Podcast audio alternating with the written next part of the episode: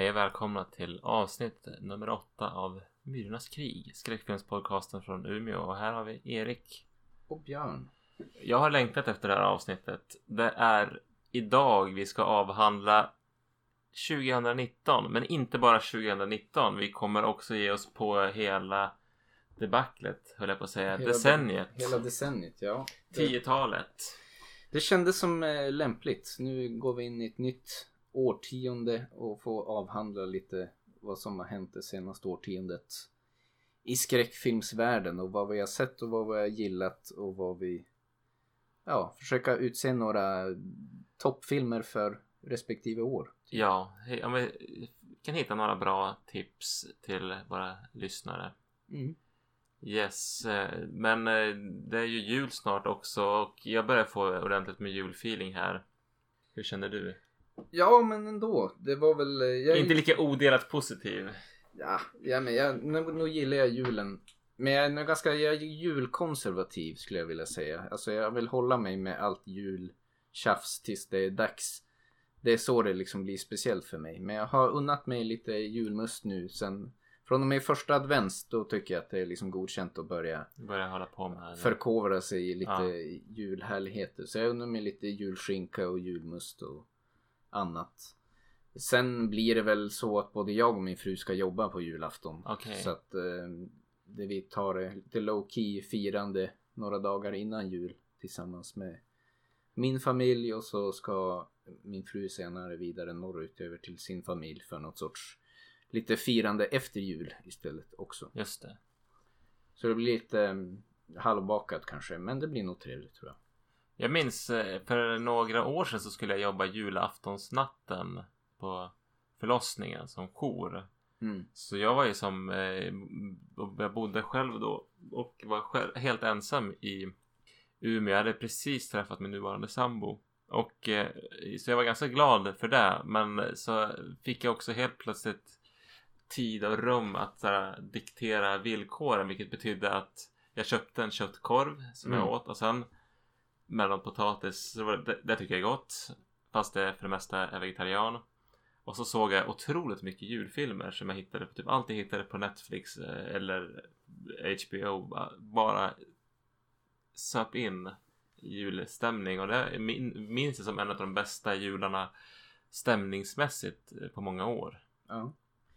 ja, men det är inte helt fel alla gånger att jobba jul heller. Nej. Jag tycker i alla fall i en, i en miljö som på sjukhuset så brukar det vara ganska mysigt på ett sätt där också. De flesta är on their best behavior både bland personal och patienter Ja. och det känns som att ingen söker i onödan heller. Nej, det är, så, det är ju känslan och det känns, ja men precis patientmässigt så är det verkligen angelägna ärenden och eh, personalmässigt så blir man det blir som en sorts extra solidaritet för nu ska vi rida igenom den här natten tillsammans Mm. och hålla ihop. Mm. Nu vi, vi drar vårt strå till stacken. Det, det blir en speciell känsla.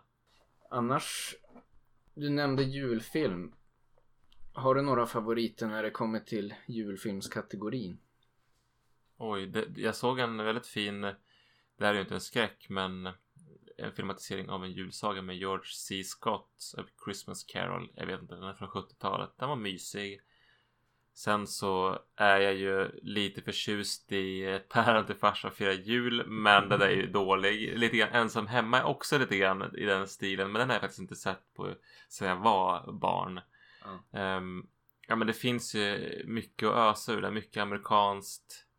Och det finns ju väl en del svenska också. Men det är ju inte samma klass alls. Det, det ska vara lite sliskigt. Mm. Ehm, sen jag gillar ju Bad Santa. är ju härligt cynisk och jultrevlig på sitt sätt. Ja, jag kan väl tycka att i alla fall, alltså julfilm för mig är någonting ändå ganska personligt sådär. Alltså film, julfilmer för mig behöver inte nödvändigtvis handla om jul utan det är bara filmer som vi brukar se på jul. Till exempel, och det är väl kanske en klassiker för många i Sverige kan jag tänka mig, men jag och min syster tittar ju varje jul på Kan du vissla Johanna? Som de brukar visa på SVT. Men den har ju egentligen ingenting med julen att göra överhuvudtaget. Men det känns ändå verkligen som en julfilm som man ska se på jul. Och så finns det väl den där debatten kring Die Hard som jag har hört många ha om det är en julfilm eller inte. Många ser den kring jul. Den Men- utspelar sig ju under julhelgen men den har ju väldigt lite jul. Den har inte så mycket egentligen. julgranar och eh, julklappar. Men ja. Det är väl en, att man slänger in lite sådana attiraljer för att eh, smörja marknadsföringen Mm. ibland. Mm. Och så är det ju med många skräckfilmer. Jag tycker, jag tycker det finns, om man ser Black Christmas med Olivia Hussey från 70-talet. Vi kommer att komma tillbaka till den någon gång i något senare avsnitt. Garanterat. Den tycker jag ändå har lite julfeeling med det här sorority houset där de liksom har någon julfest och sådär. Men det finns ju mycket annat där det liksom känns som att man slänger in en elak ond tomte bara för att kunna marknadsföra den här bättre. Ja. Men jag tror Jag har inte tillräckligt djupt kunnande i det här för att dra någon analys utan nu är det bara att man drar, jag drar åsikter ur arslet här. Och jag har väl egentligen inte sett så många julskräckfilmer förutom Black Christmas. Jag har ju sett många posters på onda jultomtar och onda snögubbar och allt vad det är men Krampus och hit och datt. jag vet inte hur mycket av det som är någonting att ha egentligen. Nej, det jag tror det tarvar lite mer eh, research och ett specialavsnitt som jag, jag inte är jättesugen på att göra i detta ögonblick. Gremlins tycker jag nog man ändå skulle kunna klämma in som en julskräcknära i varje fall. Lite rolig, lite monster och eh, julklappar. Ja, Eh, och väldigt cheesy på ett härligt sätt. fair enough. Det kan jag köpa. En rekommendation som eh, jag skulle kunna ge, tänka mig att ge är ju Ghost Story for Christmas som säkert finns på Youtube. Jag hittade via någon eh, sån här eh, order, postordersajt eh, DVD och det är BBC som har gett ut en DVD där, eh, eller DVD-box med filmatiseringar av eh, M.R. James spökhistorier som inte i sig utspelar sig på jul men att de har sänds i BBC kring jul som en sorts tv-tradition. Mm. Och de är eh, härligt mysiga spökhistorier. Och de är, som jag har sett är absolut sevärda. Det är ju Whistle and I'll come to you bland annat. Eh, men vi ska väl hoppa oss vidare.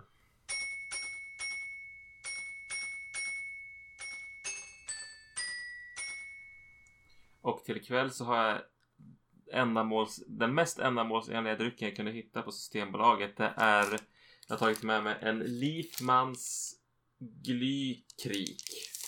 Och det är som en sorts julöl baserat på en krik och en krik är en körsbärsöl, här suröl. Okej. Och den här har de kryddat. Men eh, det som gör den extra bra är att den är som inslagen i, som en present. Och när man öppnar den här så ser det ut som en champagneflaska. Så det blir både god jul och gott nytt år, tror jag. Det Så, det, 2-1. så det, kanske hör, det kanske hörs hur det prasslar här.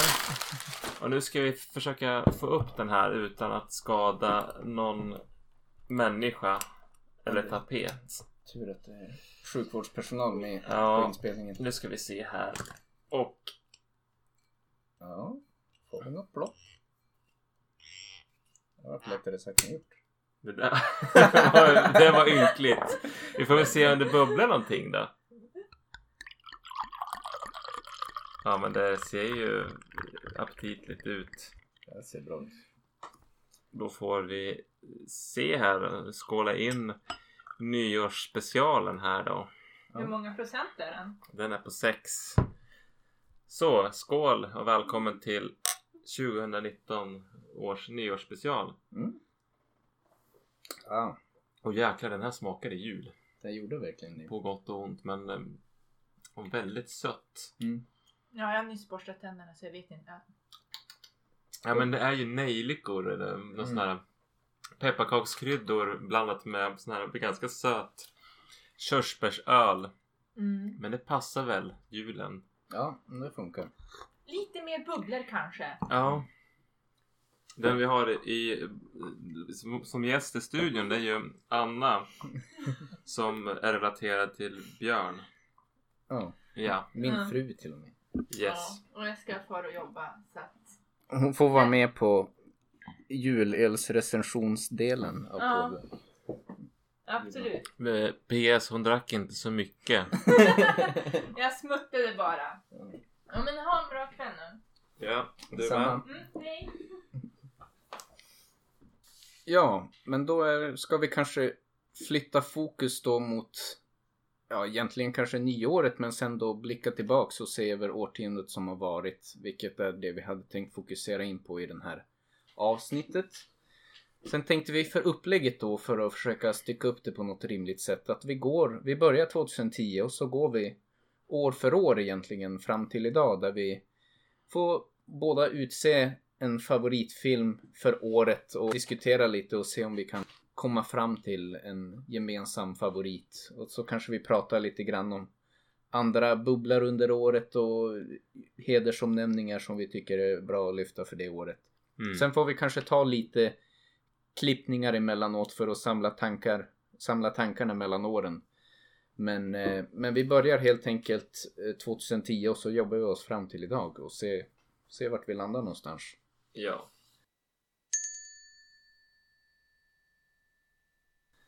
Vi kom av oss lite där. Det hände en olycka med den här goda sliskiga pepparkaks körsbärsölen. Men nu, 2010, shoot! Jajamän, 2010. Det, jag, alltså jag tycker lite grann jag satt och försökte repetera lite för mig själv inför det här avsnittet att det blev nästan progressivt lättare ju närmare idag man närmar sig. Du säger det. Jag hade jättestora problem och jag är ju inte riktigt inne på skräckspåret 2010 i mina val. Nej, egentligen inte jag heller. Om jag skulle själv få nominera min favorit för året så skulle det nog vara filmen Monsters faktiskt. Men det är ju en sån film som tangerar skräck lite grann. Men, Aldrig hört talas om den innan ikväll kan jag säga. ja, men det, var, en- det var en väldigt bra film tyckte jag som är... Det handlar ju om att typ... Ja, det är någon region i Mexiko, en stor del av Mexiko. Som har blivit basically invaderat av aliens men vi är nu i ett scenario där det bara är ett liksom faktum av livet på jorden att här bor det en massa monster från yttre rymden.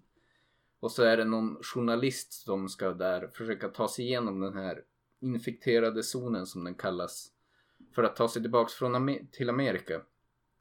Men sen är det som grejen med filmen som gör den väldigt bra men som gör att den heller kanske inte är så skräckig att monstren är ganska mycket bara en parentes i sammanhanget utan fokus för filmen är mycket relationen mellan journalisten och den som han färdas med och liksom livet, det vardagliga livet för alla som lever i den här zonen och försöker liksom bara leva ett vanligt Svensson-liv trots att hela deras liksom livsmiljö har blivit uppskakad av den här invasionen av, av monster från yttre rymden.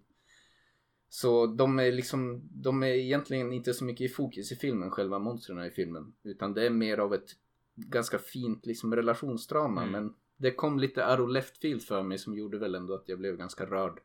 Och tyckte den var väldigt bra när jag såg den. Men den är absolut inte läskig, det kan man inte säga. Nej, nej. Jag satt ju här och när jag minns tillbaka på 2010. Jag hade jättesvårt att erinra mig någon film därifrån. Så jag fick som gå och titta i min IMDB vad jag satt betygsatt för skräckfilmer då. Och då hittade jag som Tucker and Dale vs Evil och Trolljägaren som eh, båda är riktigt bra filmer tycker jag. Men de är ju som mer komedi. Skulle jag välja någon av dem så blir det Trolljägaren. Den har jag sett bara en gång och jag såg den på bio. Men den, den var en väldigt bra filmupplevelse. Tucker and Dale vs Evil är ju... Ja men den har jag sett om och är riktigt bra. Mm. Båda omtiteln. Trolljägaren är ju den här norska found footage filmen som handlar om eh, några som gör eh, research och hittar en, hittar en kuv som är en trolljägare och så följer de honom och den Mm. är otroligt rolig. Vill jag minnas och också en bra skräckmässigt found footage. Ja men den är absolut spännande i Ja. alla fall. Sen är det ju som att det är väldigt Det är väldigt såhär De har mycket respekt tycker jag för Trollmytologin Som på ett sätt kanske gör det inte så läskigt men det är väldigt mycket så här Troll som vi föreställer oss i sagorna lite grann de här trollen som finns där i skogen och jagar dem och då blir ju lite dråpligt på ett sätt när Ja. det är liksom de här trollen man känner igen från barnsagor när man läste Att de som... finns på riktigt. Ja. Ungefär. Jo, men den, så den skulle jag, nog jag säga som min favorit. Men, ut, och det blir lite torftigt skräckupplevelsemässigt. Men jag tror jag säger Trolljägaren på 20, mitt 2010. Och det är en superbra film oavsett. Det är Mm. ju, sen, ja, den hamnar väl i lite samma kategori som Monsters då. Där är, den är väldigt bra men kanske inte nödvändigtvis så läskig. Tucker and Dale är ju inte heller så läskig. Men den är ju också, jag Den är vet mest att jag sett våldsam den. och... eh, Men Den är blir ganska inte- gory, Men, men- den är inte så otäck på annat sätt. Nej. Och där är väl, du får rätta mig om jag har fel, men visst handlar det om typ några ganska snälla rednecks egentligen. Ja. Fast det är någon grupp ungdomar som får för sig att de här rednecks försöker mörda dem. Kommer på att ja, men vi måste döda dem först och så i det här kaosartade missförståndet så uppstår det en massa humoristisk, humoristisk skräck eller vad man ska Jo, säga. ja, men det är som att eh, precis att det är de här Tucker and Dale blir, man ser filmen berättas ur deras perspektiv av de här ungdomarna, collegeungdomarna som ser dem som onda, går till angrepp och då händer en massa olyckor som gör att folk dör och så trissas det upp väldigt mycket fast de här stackars eh, harmlösa Tucker and Dale ja, försöker ta sig igenom det här Mm. hyfsat smärtfritt. Ja, men den är en, en, en, en stark rekommendation för den vrider till slasher-genre-reglerna lite grann på ett bra sätt tycker jag ändå. Ja. Vad har en, du med? annan, ja, en annan hedersomnämning som jag absolut vill lyfta. Som jag stod och vägde mellan Monsters och den här andra filmen. Det är ju I saw the devil. Som är en... Den är nog närmare thriller än skräck men den är ganska otäck på många sätt.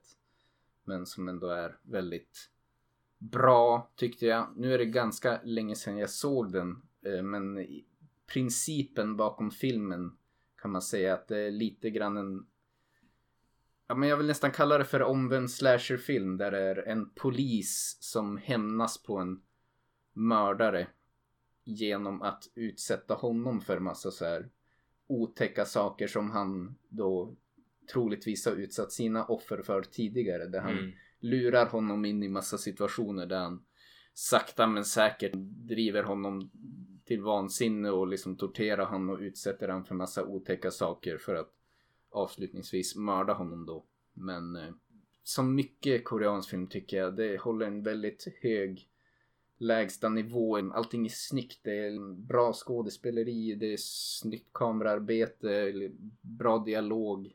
Allting är bara väldigt bra och snyggt i den där filmen. Och så jag- får jag en känsla av, med mycket koreansk film och jag vet inte om det gäller på den här för jag har inte sett den här, jag är väldigt sugen på att se den men att de fastnar inte så mycket i en genre och kanske därför den är så svår att placera. Att den kanske ändå nästan passar in som skräck men den är inte skräck men den har att de kan blanda element från flera genrer på ett ganska välbalanserat och bra sätt för berättelsen. Mm.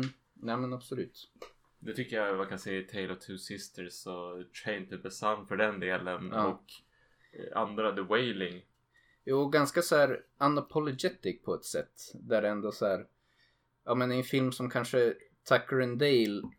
Då vill man ha lite humoristiska element. Man vill ha lite skräck. Men man gör ändå skräcken tam och liksom safe på ett sätt. För att den ska passa en bredare målgrupp. Om man vill köra på det här komedispåret. Jag tycker att en del koreanska filmer kan vara liksom väldigt humoristiskt och roliga at times och ändå ha det här väldigt viscerala, brutala våldet som man blir, det är som, jag vet blir inte, en, kompromisslöst. Man Ja. försöker inte stöpa in det och göra en viss... att det ska passa produkt. en produkt som ska passa liksom en viss målgrupp utan de, de gör bara sin grej och så får man ta det för vad det är och det kan vara ganska omtumlande ibland att se när det som går från ganska dråpligt och komiskt till fruktansvärt brutalt ibland. Mm. Eh, och väldigt snabba kast många gånger. Så Ja. det, det är många sådana där filmer som eh, jag har sett i, i den här koreanska thrillergenren som jag tänker bara fan det här skulle jag verkligen skulle vilja visa för min morsa för hon gillar många så här bra kriminala thrillers men då har de också en del av de där scenerna som är väldigt väldigt otäck som gör att ja, Det går inte. det går inte riktigt. Nej. Bit too much. Men jag gillar det, det är väldigt bra. Men det är väldigt kompromisslöst och otäckt ibland att se på. Mm.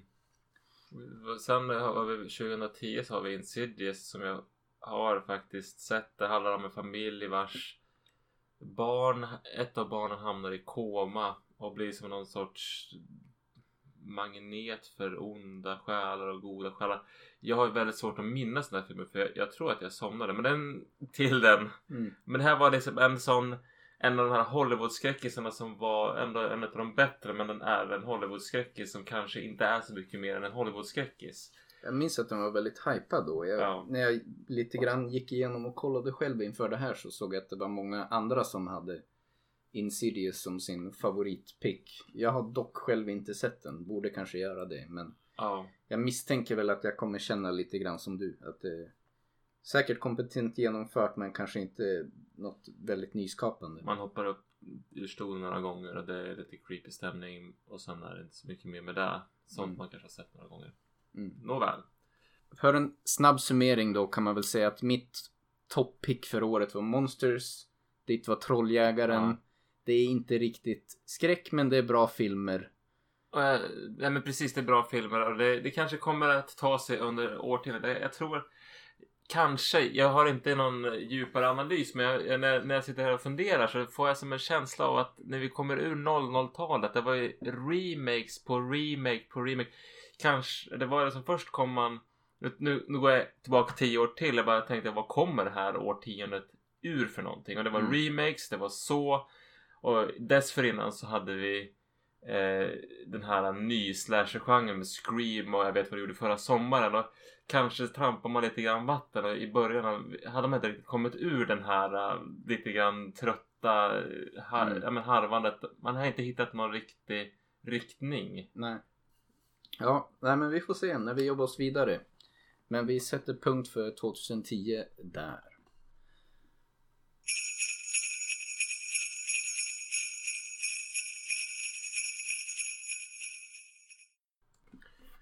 2011.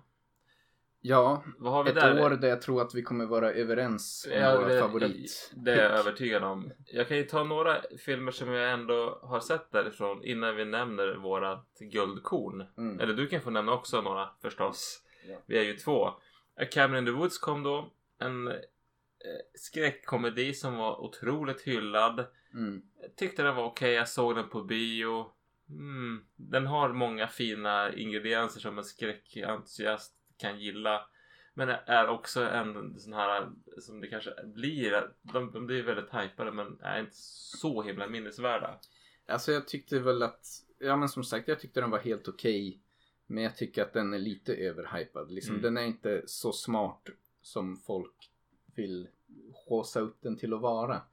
Det, det är ju väldigt mycket metaskräck på något vis. Men I don't know. Eh, Den var bra. Jag ska inte skita på den för mycket men den är kanske inte riktigt den där riktigt toppfilmen som jag trodde att jag skulle få se när jag satte mig ner till slut för att se den. Mm. Ja, men det kanske är att det var lite fattigt då. För jag tycker att det var lite fattigt när Mm. vi skulle titta när jag gjorde research. Ja.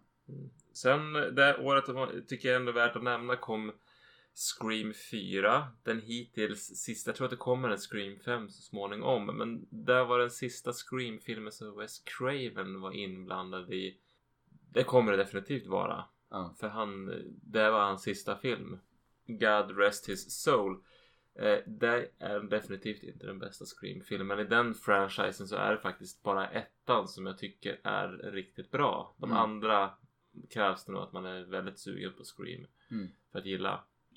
Ja, jag tycker ju Grave Encounters som kom eh, 2011 också är Ja men worth a watch. Det är inte, det är inget så här fantastiskt men eh, vi diskuterade lite i vårat found footage podd. Det är en sån film som spårar ur totalt och blir jäkligt tröttsam på slutet men den har en, en bra uppbyggnad och en del ganska otäcka skräckscener i sig. Mm. Ehm, annars för våran favorit som jag är övertygad om att du kommer vara överens med mig om är ju Killist. Absolut. Den brittiska från eh, Ben Wheatley. Mm. Där har vi, ja men det tycker jag nog ändå är ett guldkorn. Jag tycker det är ändå kul. Jag- vill också lyfta den i den här podden för det är en sån där som är lite grann av en glömd pärla. Det är en del som känner till den och den är ganska hypad men det är må många som missar den. Jag tror att det är kanske lite grann för att den inte hade den här Eh, breda Hollywood-marknadsföringen. Nej. Och den kan jag lite grann i relation till det vi pratade om på förra året. Den, den har lite grann det här kompromisslösa blandningen av genrer också. Där det är liksom brittisk diskbänksrealism blandat med tidvis otroligt brutalt våld.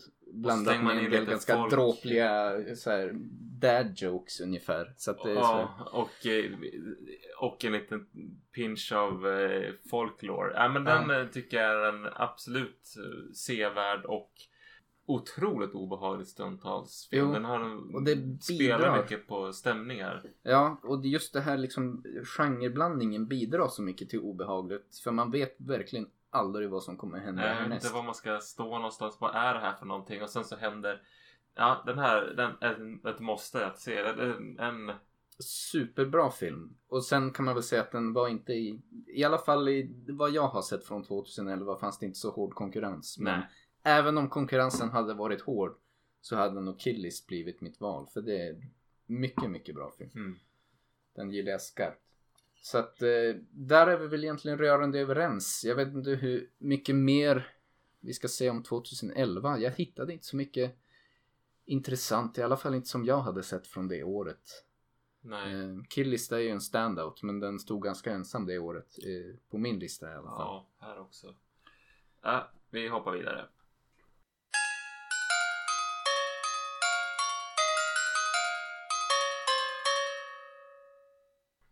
Ja, 2012 då, vad har vi där? Jo, Hammer Horror återuppstod och släppte Woman in Black Remake Just det. med Daniel Harry Potter Radcliffe. Den har jag sett. Jag minns det som att den var... som- Nej.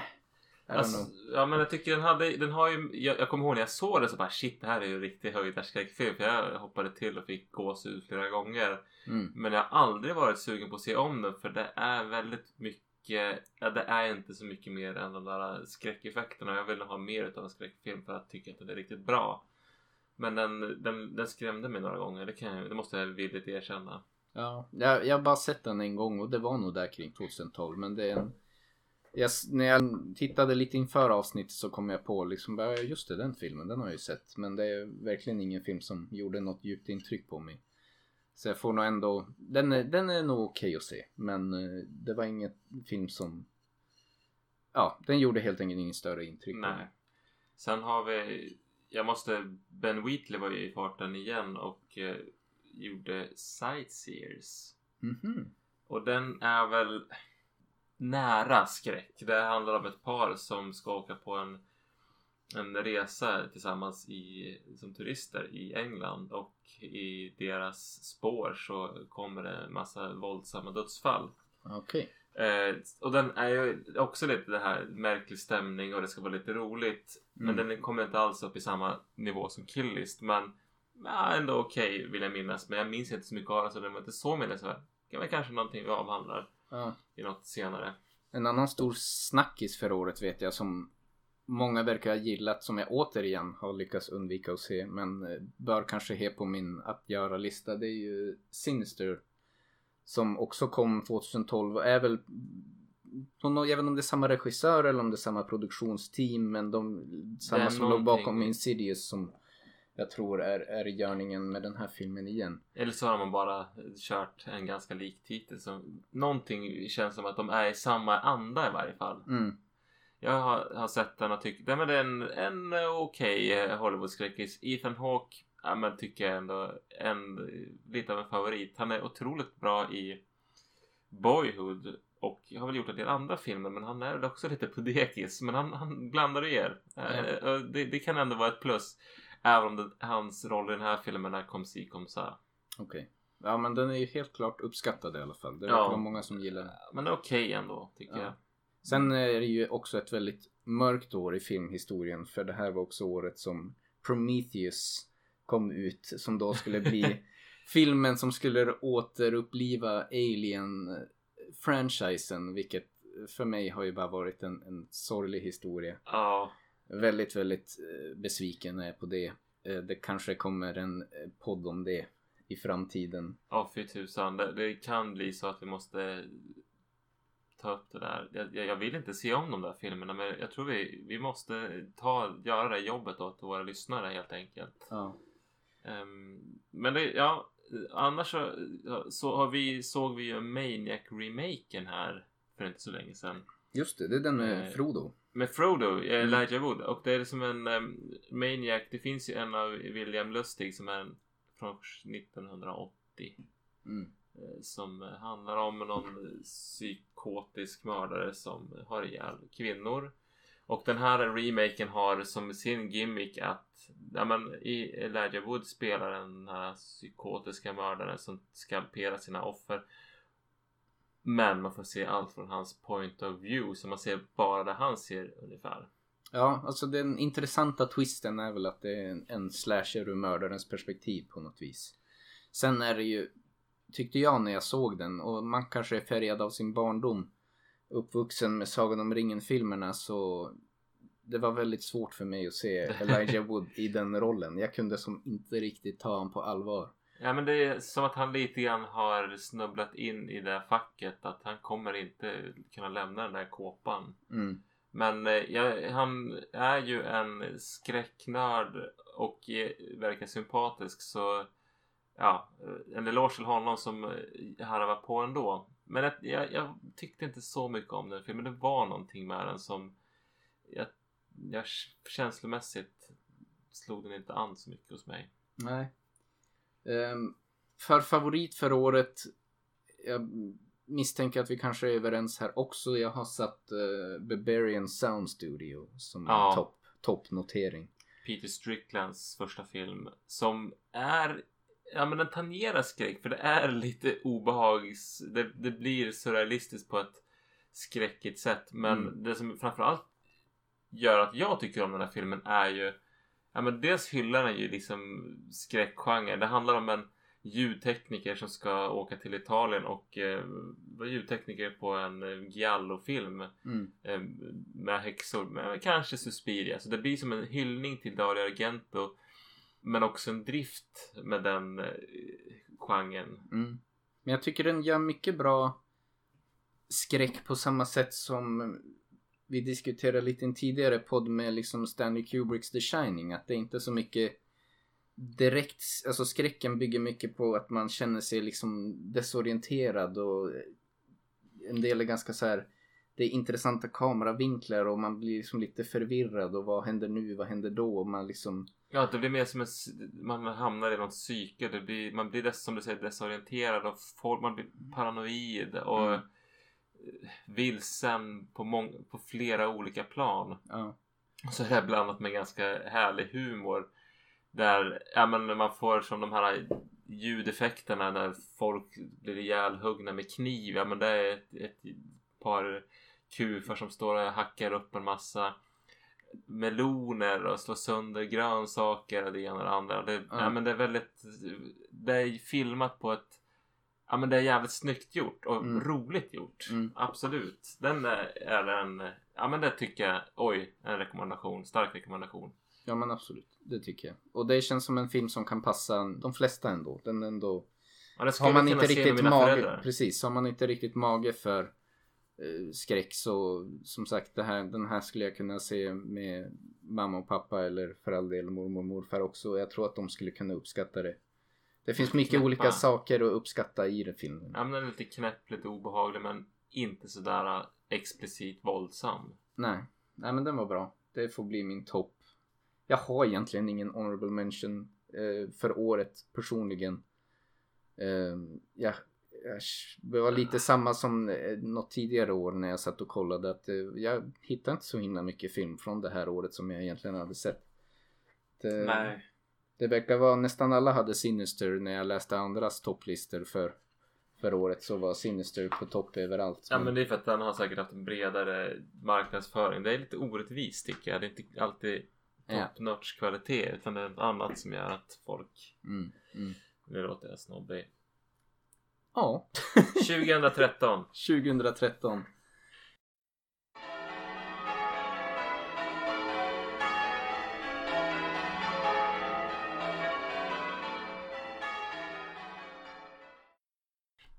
Ja, 2013 kände jag väl när jag satt och läste in mig att det var här det började ta sig lite grann. Jag kunde i alla fall se en skillnad att jag hittade mer filmer som jag bara, oh, men just det, den här filmen och den här filmen.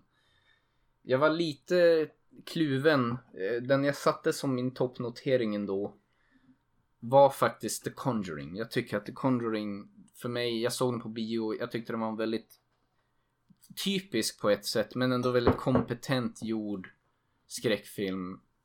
Otäck, bra. Sen har man fått lite dålig bismak av att det har blivit en sån kavalkad av Conjuring-filmer sen som man är bara kräkless på.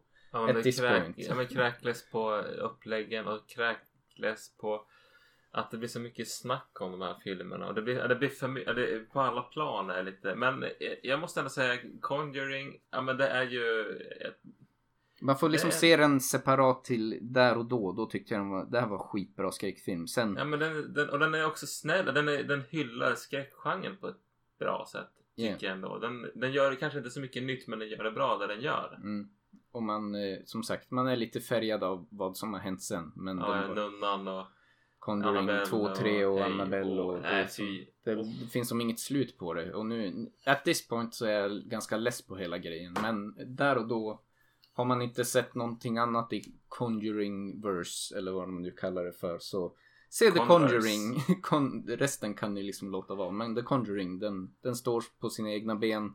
Och det behövde inga fler uppföljare egentligen. Tyvärr blev det en himla kavalkad av olika uppföljare och spin-offs. Ja, vad hade vi mer det året? Vi hade Under the Skin har vi ju sett. Den här eh, Scarlett Johansson far runt i Skottland och eh, är utomjording och fångar in folk. Kommer du ihåg den? Jag kommer inte ihåg det här Du kommer inte alls. ihåg den? Nej. Nej men vi såg den här och ja, men jag, jag kommer ihåg att min känsla det var några riktigt bra och snygga sekvenser i den filmen. Mm. Som jag tycker var otroligt obehagliga och riktigt bra. Men smaken med den där filmen det var som, ja den är pretentiös. Alltså, och, jag har nej, väldigt så här vaga som en- minnen men... den hade som en, liksom ett ton, den ville mer än vad den levererade. Sen hade den några riktigt bra idéer som den genomförde väldigt bra. Ja. Den är kanske bra, en, en intressant sak att se men jag tyckte inte att, jag är absolut inte sugen på att återvända till den. Min andra honorable mention som jag hade för året som jag valde lite mellan när jag till slut placerade The Conjuring på toppplaceringen det var ju VHS 2. Just som ändå det. var en väldigt, väldigt bra antologi skräckfilm som vi såg tillsammans. Jag hade den eh, genomgående haft lika hög kvalitet som Safe Haven som är en av de här filmerna, berättelserna i filmen. Då tror jag att den hade kunnat kval vunnit den här årets. Absolut, men den var väldigt ojämn. Den hade några riktigt bra och några mindre bra. Ja, nej men den är, den är väldigt sevärd tycker jag. Den, den bör man se. Men det är som du säger, det, den hade några high points och några low points. Men eh, den eh, delen av filmen som du är inne på, det är ju en absolut toppnotering. Som, Mm. Ja, som sagt, ja, det var inte, det var, Conjuring var inte självklar för mig. Jag satt och valde mellan de här två filmerna för vilken jag skulle placera på topp. Men eh, som hel, helhet betraktat så tycker jag The Conjuring ändå kniper priset. För min del. För min Ja. del. But it's debatable. Yes. Sen har vi The Purge. The Purge satte jag- igång då. Jag tycker inte att The Purge egentligen är så bra. Jag tycker den har den unika egenskapen att vara en filmserie som jag tycker har blivit lite bättre med tiden. Att jag tyckte att The Purge, den första Den The första Purge, filmen tyckte jag var, ja, Ethan Hawke i och för sig. Ethan Hawke, men den tar sig själv på för stort allvar. Jag Ja. gillade The Purge mer när de bara, för att det är så löjligt liksom idé. Idén, ja, men den är löjlig, lika löjlig som den är genial på ett sätt. Ja, Men det, det, jag tror att det är det som är problemet. Att Jo. är, Och jag tycker det funkar bättre för att i de senare filmerna så har de slutat ta sig själv på så stort allvar och bara kört på i 180% istället. Så att Ja. det är liksom ännu mer flippat och liksom löjligt på ett sätt men det blir ändå mer underhållande tycker jag. Jag har, var inget jättefan av första Purge-filmen. De senare tycker jag har varit lite rolig, liksom ändå popcorn-underhållning på ett Ja. sätt. och för att för de som inte har sett The Purge är ju den här eh, filmen där eh, vi är i något dystopiskt USA där eh, överheten en dag per år eller en natt per år till och med Mm. eh, utlyser ett sorts undantagstillstånd och man får göra precis vad man vill. Exakt. Och slå ihjäl varandra och sådär.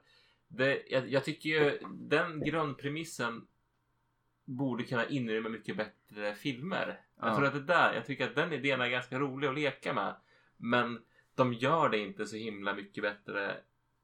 Det fanns som en de intressantare diskussion och det ska, till och med den första filmen gör det som inte en nog seriös analys av vad det faktiskt skulle innebära utan det blir som bara okej nu är allting lagligt därför bestämmer sig alla bara för att mörda varandra för att det är kul. Jag tror inte att det liksom är riktigt så det skulle fungera.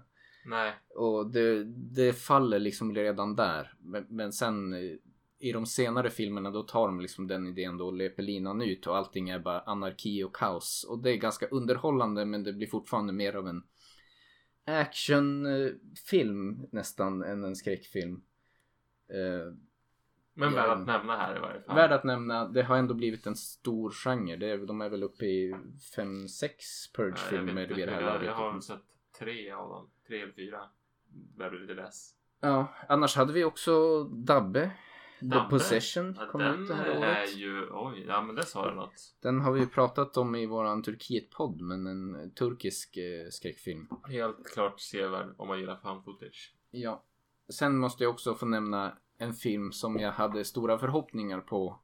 Eh, som tyvärr inte är något bra, men eh, Devil's Pass kom det här året. Och det var ju bara att den baserar sig på en verklig händelse som jag själv har läst på om och varit väldigt intrigued kring. Som är en eh, väldigt erfarna, en grupp erfarna, vad ska man säga, bergsklättrare som försvann i ett, eh, på en vandring i Sibirien i något som kallas för Dyatlov pass. Och det var väldigt mystiska omständigheter kring deras, eller de försvann inte, de dog ska jag säga. Men eh, man hittade till slut till deras campingplats och ingen förstod vad som hade hänt och man hittade att deras tält var uppskuret från insidan och de hade sprungit ifrån sitt tält och nakna i natten och liksom frysit ihjäl där på berget. Och det här var väldigt erfarna liksom bergsklättrare så det var mycket så här mystiska omständigheter kring det. Och där tänkte jag liksom att här finns det en riktigt bra skräckfilm att göra. Eh, de gjorde Devil's Pass då 2013. Eh, det var inte en bra film, tyvärr. Eh, jag hoppas fortfarande på att med lite, när Devil's Pass har fått vila ett tag så kanske det är dags för någon mer kreativ regissör att ta sig an det här mysteriet och göra en lite mer intressant tolkning. Ja, så you better watch out. Yes. Eh, men 2013 Conjuring för mig. Jag vet inte. Är det VHS för dig eller har du någon annan? Ja, jag Topp. är lite svårt. Ja, ja, ja, det är nog en tie där. Det är lika Conjuring VHS 2. Ja. Nej men det var 2013. Vi jobbar oss vidare.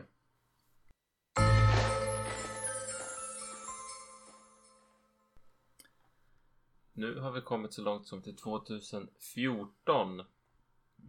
Och eh, jag hittade inte så mycket när jag gjorde eh, research i min egen tittat-lista. Det finns Mm. säkert massor där men det, fanns, det finns ändå guldkorn. Och det finns Och- väl eh, säkert. Det kändes som när jag, vi har ju gjort lite researchen var för sig här nu för att inte färgas av varann. Men jag tror att det här blir till år då vi kommer vara rörande överens om Ja. vilken toppfilmen är. Jo. Eh, Men det återkommer vi till om några minuter. Annars, The Babadook var ju en snackis det här året. Den australiensiska ja. eh, filmen som handlar om en mamma som har en problematisk son. Och i deras hem dyker det plötsligt upp en sån här barnbok med såna här figurer som dyker upp mellan Mm. böckerna. Och den här boken är svår att göra sig av med. Och varför vill de göra sig av med den här boken? Jo, för det, figuren i boken är ett monster som börjar hemsöka Mm. de här, den här lilla familjen. Jag var ganska besviken ärligt talat när jag såg den. Men jag var också, jag gick in med ganska högt ställda förväntningar. Jo, jag tror den här hade lite hype-syndromet över sig. Att man det är en film som har kvaliteter som gör att en del går igång så in i bänken och håsar upp det och sen så har man svårt att se det stora. Jag tyckte den var okej okay och vill nog se om den och vi knåda lite i podden på den, absolut. Mm. Men jag har lite grann samma känsla att jaha, det här var väl inte så märkvärdigt. Det fanns ett intressant sidospår i den där filmen. Jag ska inte spoila, tänker jag, men där man anar ett tag att allting kanske inte är som det verkar. Sen tar de inte riktigt det och löper linan ut med det spåret som jag blev lite besviken på. Men ehm, ja, nu är jag väldigt vag här men den, den är okej. Okay. Ja, den, ser, den är sevärd. Absolut. Um, annars, en annan film som jag har läst mycket om och som jag är väldigt sugen på att se som kanske finns anledning att komma till på våran jorden runt-resa det är ju A Girl Walks Home Alone at Night. Som en, en iransk vampyrfilm. Typ, jag vet, jag har lite purposefully undvikit att försöka läsa på allt för mycket om vad den handlar om. Men jag har läst väldigt många som ger den väldigt höga betyg och jag ser fram emot att se den i, om vi eventuellt har och besöker det landet. Så ja. tycker jag vi har ett självklart val där. Den finns på biblioteket att låna som DVD så det är inget problem för oss att ordna den mm. tittningen. Eh, när jag gjorde med research i vårat found footage avsnitt så snubblade jag över um, The Houses Octoberbilt och det tror jag kanske till och med är helt franchise. Jag vet inte vilken film i ordningen jag såg. Mm. Det var en found footage film som jag tyckte var både irriterande men ändå lite rolig att se. Men är man inget inbitet found footage fan som inte har sett den här ännu så kan man skippa den. Ja. Vad har vi on top då? Ja, det här måste nog vara en av de filmerna som kanske till och med bidragit till att vi sitter och pratar i en podd. Eller som gör att jag, jag har velat prata i en podd och det är ju It Follows. It Follows. Den är solklar för mig det här året. Ja, den var även utan konkurrens för mig. Men det var ju du som från början introducerade mig till den här filmen. Men den har så många kvaliteter liksom. Den är ja, jag vet inte. Den är obehaglig, den är bra filmad, det är ett intressant koncept. Den, den har ett väldigt spännande, lite grann cyberpunk 80-tal-esk soundtrack också. Ja, ja, men den har... Sätter en väldigt unik prägel på den. Ja, men den har, och den har många motiv och det som jag tror fångade mig mest skräckmässigt är ja, men sättet den skapar en så här obehaglig känsla. Man, när jag ser filmen och när jag tänker på filmen så är det som att man alltid, jag känner mig som hela tiden lite nojig och orolig. Mm. Det handlar ju om en, en ung kvinna som är ute på en dejt och får en ja, förbannelse över sig. Mm. Och får en entitet efter sig som inte kommer sluta jaga henne förrän hon är död. It follows helt enkelt. Ja, och när hon är död då kommer den fortsätta till den som smittade henne. Mm. Och eh, hennes sätt att bli av med den här, att den här ska börja jaga, jaga henne är att smitta någon annan. Men när den andra är död så kommer entiteten förfölja henne. Mm. Det kan man säga utan att det spoilar handlingen. Det etableras ganska omgående. Ja, och jag, menar, jag tycker att den här på något sätt, ja men, ja det är man anar saker i bakgrunden. Det är filmat på ett sånt sätt och det är lite off känsla på många sätt i den här filmen. Så det blir som mardrömskänsla i den här. Ja, det, jag, jag, jag kommer ihåg, jag, jag såg den en gång ett år och sen så ett halvår senare skulle jag se den med en kompis och jag drömde mardrömmar inför att jag skulle se den. För mm. att den väckte så mycket känslor. Nu har jag sett den tre gånger och den, varje gång jag ser om den så hittar jag nya aspekter som, ja men shit vad mycket detaljer.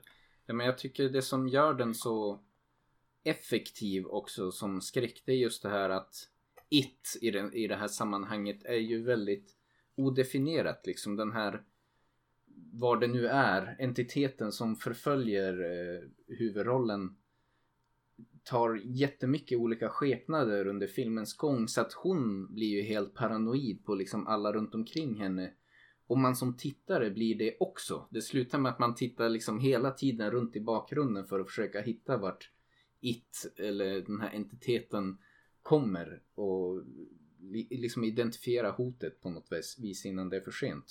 Likväl som hon gör. Och det där, ja jag vet inte, det är något väldigt, väldigt obehagligt med det där som gör att det funkar med ganska enkla medel också. Det är som, Det är väldigt lite specialeffekter i den här tror jag. ja, Eller CGI specialeffekter. Den är, det är liksom bara den här, fångar liksom essensen av känslan att vara förföljd på något vis. och inte komma undan det. Det liksom, finns inget slut på det här hotet. Mm. Nej men den ja absolut en favorit.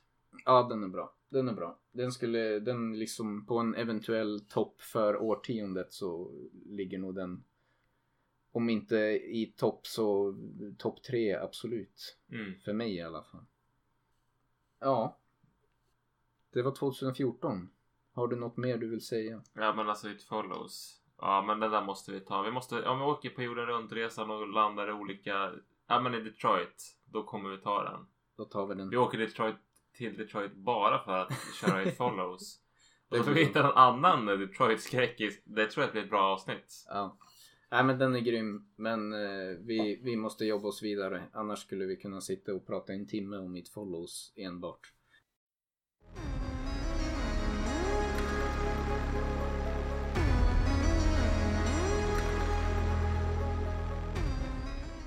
Men sen då, 2015. ehm, för det här året. Ja men det börjar Ja, ta men sig det- mer och mer. Jag har rätt många filmer från det här året som jag tyckte ändå var bra. Vi hade ju en till antologifilm som vi såg, Southbound, som jag tyckte ändå var en eh, väl värd film att se. Absolut. Ehm, Det är The Signal-skaparen som har gjort den va? ja, The Signal är ju en annan film jag gillar. Också en antologifilm. Yeah. Jag tror om vi ska göra en litet, eh, en liten stopp vid antologifilmerna. eh, Vi kanske har pratat om det här tidigare men det tåls att upprepas. Att jag tror att många skräckberättelser i film är ju väldigt bra men de kanske inte kan sträckas ut till 90 minuter. Mm. Och därför tycker jag antologifilmer kan vara väldigt bra för då kan man skrämmas upp och använda den här skrämningen ordentligt. Ja. Och det kan också vara en annan fördel med antologifilmer är att ja, men är en, en historia lite halvdålig, ja, men då kommer det snart en ny. Man behöver inte dras med så länge. Nej men jag Ja. håller med. Och det känns som att en del, många filmer vi har suttit och irriterat oss på också när vi har tittat tillsammans. Så får man lite den känslan att nu hade de egentligen en bra idé. Och så har de försökt smeta ut det på alldeles för lång tid och så blir det bara ganska tradigt och repetitivt. Ja, Och då är det som, man ska inte skygga undan för att göra antologifilmer. Fast med det sagt ur rent kassa money making perspektiv så verkar det ju inte som att det är så många av de här filmerna fått som får något större genomslag. nej. Tyvärr. Eh, men den var bra. Southbound, en eh, varm rekommendation. Jag tyckte även Baskin har vi där. Ja, Kommer Turkiet igen. Den avhandlar vi i Turkiet. Alltså, ja, men den tyckte jag var eh, trevlig. När jag tänker tillbaka på den så vill jag minnas att den trots sina brister var väl värd ett besök. Ja. The Invitation. Den eh, absolut, den tycker jag är en en sån här lite slow burn social awkward, vad heter det? Så här, social obekvämlighet. Ja men man, det är någon som blir bjuden till sitt ex på någon sorts middagsbjudning och Mm. det finns ett trauma i botten och det, ja men det här utvecklar sig och är lite skumt hela filmen och sen en bra final. Ja. Nej, men Absolut. den är, En rekommendation och den är väl sån här Netflixare så den är lätt att få tag i. ja. Annars hade vi ju Annars under året The Visit kom. Det- M. Night Shyamalan. För att vara Hans- M. Night Shyamalan Hans så är den ju stora comeback skulle det vara. ja. Och den är lite found footage-aktig. Visst var det så? Ja. Vi kom fram till det. Den var inte kanske hans stora comeback men det var ändå en rätt bra film. Och M. Night Shyamalan har ju nästan blivit ett skämt at this point. Men nu Ja men tyckte här han tycker jag fick ändå till var... det bättre. Jag fick liksom. till det lite bättre men det var ändå lite krystat tycker jag. Det var väl lite krystat och han, han har ju väldigt svårt, inklusive i den här filmen, tycker jag, att skriva bra karaktärer. Det är alltid någon karaktär i Shyamalan-filmerna som är så här väldigt enerverande. Nu var det den här pojken som hela tiden skulle rappa i typ Ja. varannan scen. Så man bara, men nej, ingen människa liksom pratar så här eller beter sig så här. Det är som att han har typ aldrig träffat vanligt folk. Men han Nej. så här, försöker skriva något som han tror är så här pratar vanliga människor ungefär. Men det blir ofta väldigt awkward och weird. Men annars konceptet i sig är ganska intressant. När det är liksom de här, det handlar ju om två barn som ska träffa sina mor och farföräldrar som de aldrig förut har träffat. Och det blir väldigt skum stämning. Det och blir väldigt skruvat lite- allting. Ja, otäckt. Nej men det som jag tycker M. Night Shyamalan, han har ju den här med att det ska klämmas in en twist och det tror Mm. jag har skadat hans filmer en del. Han, jag tycker i Sjätte sinnet och ja men eh, The Wizard med för den delen så kan han ändå fånga in någon han har i de här filmerna så kan han ändå få små berättelser som känns angelägna att få berättat för sig. Så där kan det vara ett plus till den här filmen. Men sen så måste han ändå krysta in det här Ja. twistandet. Ja, och sen är det väl lite grann med de här filmerna på sätt och vis som vi pratade om nyss med Southbound. Att det, den har lite den tendensen att det är en intressant kort spökhistoria med en liten eh, festlig skruv på slutet men som kanske inte egentligen räckte till en hel. Jag tycker Spelfilm. en halvtimme 45 minuter. Ja. Då hade det varit perfekt pacing på den. Absolut. Det har du helt rätt i. För min toppnotering för året. Ja, Är det något mer vi har här? jag vet inte. Jo, det var, ju- jag, jag ville ha en honorable mention här som du inte har sett. Okej. Men We Are Still Here. Ja. En skruvad och väldigt... den här lite- kannibal... Nej, det är, Nej. Inte, det är inte den. Jag tänker på någon annan. Eh, Nej, jag tänkte, We Are Still Here det är som en... eh, Det är några som har blivit förlorat sin son i någon olycka eller något sånt där. Mm. De flyttar till ett hus på landet och det visar sig vara hemsökt. Och det är någon panna som håller på och krånglar i det här huset och det är konstiga grannar. Nej, men jag tycker den här är, är en, en ganska skruvad och en lite små otäck eh, spökfilm. Och den innehåller det är en seans som under några få sekunder är en av de bästa seanssekunderna i en skräckfilm som Mm. jag har sett. Eh, och ett plus till filmen är att en av karaktärerna ser precis ut som Jack i Nicholson i The Shining. Okej. Så ja, men den eh, tycker jag är en honorable mention. Då vill jag ta min toppnotering. Jag tror att vi är överens. Jag har valt The Witch. Absolut. The Witch för mig en väldigt, jag lite, alltså jag har försökt hypa den här för lite andra som har fått se den och kanske inte riktigt tyckte att den har varit lika bra. Det jag tycker The Witch gör väldigt effektivt det är att liksom skapa skräck i den här känslan av liksom extrem isolation och man jag tyckte att man fick en förståelse för häxmytologin som faktiskt var en riktig grej och vart det lite grann kunde komma från. Där det här är det handlar ju om en familj då, en nybyggarfamilj i Amerika tror jag som På 1600-talet eller något sånt där. Ja, 16-1700, jag vet inte exakt. Men de bo, har liksom flyttat ut på en plottland i, i Amerika och ska försöka klara sig själva och är i en extremt utsatt situation. Och saker och ting börjar gå snett. Skörden slår fel och eh, djuren börjar blöda och drabbas av otroligt mycket otur. Och det som är intressant med filmen är att liksom allt det här skulle verkligen kunna vara bara otur. Men i den här isolerade miljön så blir Då det som att folktro bara, men det är något trolldom ja, det här. måste vara liksom någon trolldom Ja. som ligger bakom det här. Och han har ett sätt att filma också som gör hela den här miljön med skogen som de bor i till något väldigt hotfullt och obehagligt. Att han kan hålla kvar vissa scener när han filmar att det är som det är lite obehagligt och så håller han kvar fem sekunder till och så håller han kvar tio sekunder till tills man, det liksom byggs upp en väldigt obehagskänsla i kroppen på en tycker jag när man tittar. Men det är med det sagt en långsam film och det är liksom, den har en annan pacing än många andra Så man får ha skräckfilmer. lite tålamod. Men det som och jag gillar väl det här att man, det, man de gör en skräckfilm och det liksom får vara något eget och lite udda. Det, och nördigt på något sätt. Han har ju som gjort väldigt mycket research med hur de pratar.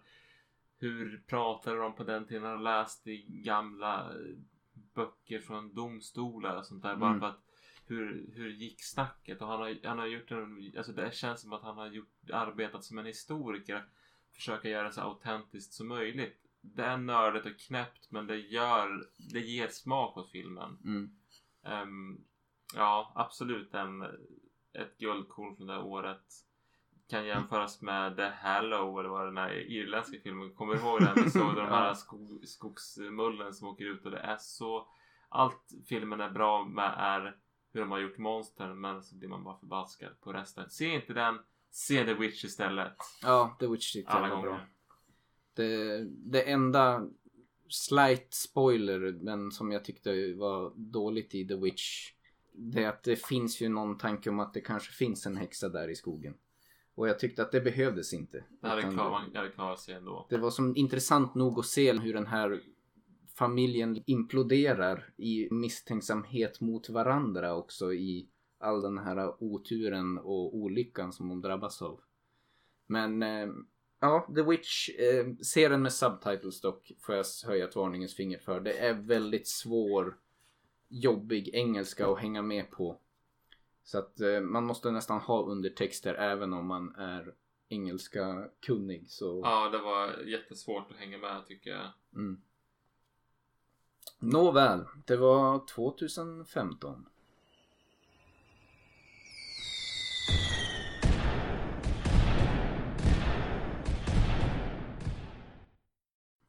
Eh, hur går det med tangentbordet? Är det fortfarande kladdigt sen det här? Sen den lilla julölsolyckan. Ja, men det verkar funka. Vi gjorde en liten akut utryckning här och tvättade tangentbordet och så har jag stått med hårfön och torkat. Ja, det, ja, vi får väl se vid redigeringen hur illa det låter men det borde inte påverka soundet.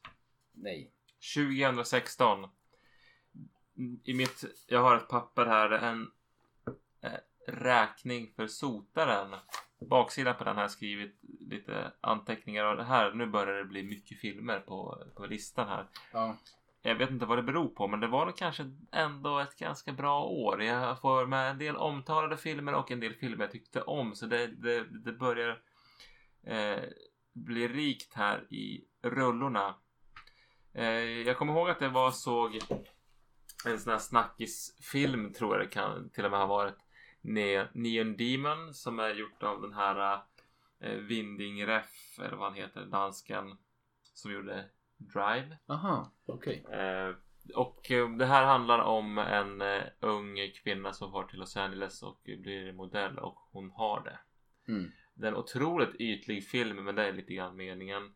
Jag tror att det är en sån film som man ska se på bio med bra ljudanläggning och bra bild. Den var som en, en jag minns det som en väldigt bra upplevelse, ett bra soundtrack och ja, men jag har aldrig velat återvända till den riktigt. Men den var ändå liksom en film jag minns från det året.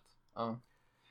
Vi har väl också 10 Cloverfield Lane Den, är- 2016. den Den, tycker är, jag om. den är mycket bra. Den är ju som en...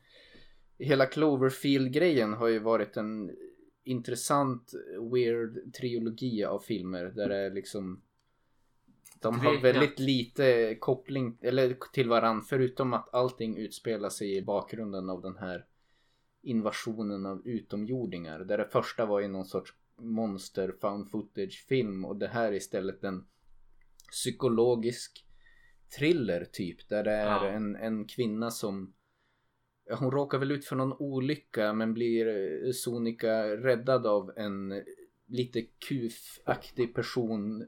Nu kommer jag inte ihåg vad han Är heter men han spelar? Fred, Fred Flinta tror jag.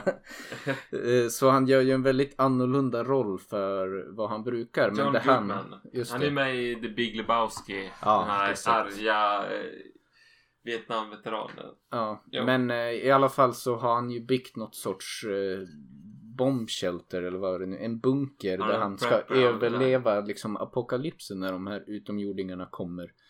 Men, jag, tycker, ja, men precis, jag tycker den här filmen är så himla bra för den utspelar sig ju i, man är så jäkla ambivalent. Vad är det som har hänt? Är hon tillfångatagen? ja, Och sen är det någon till här inne, är han också tillfångatagen?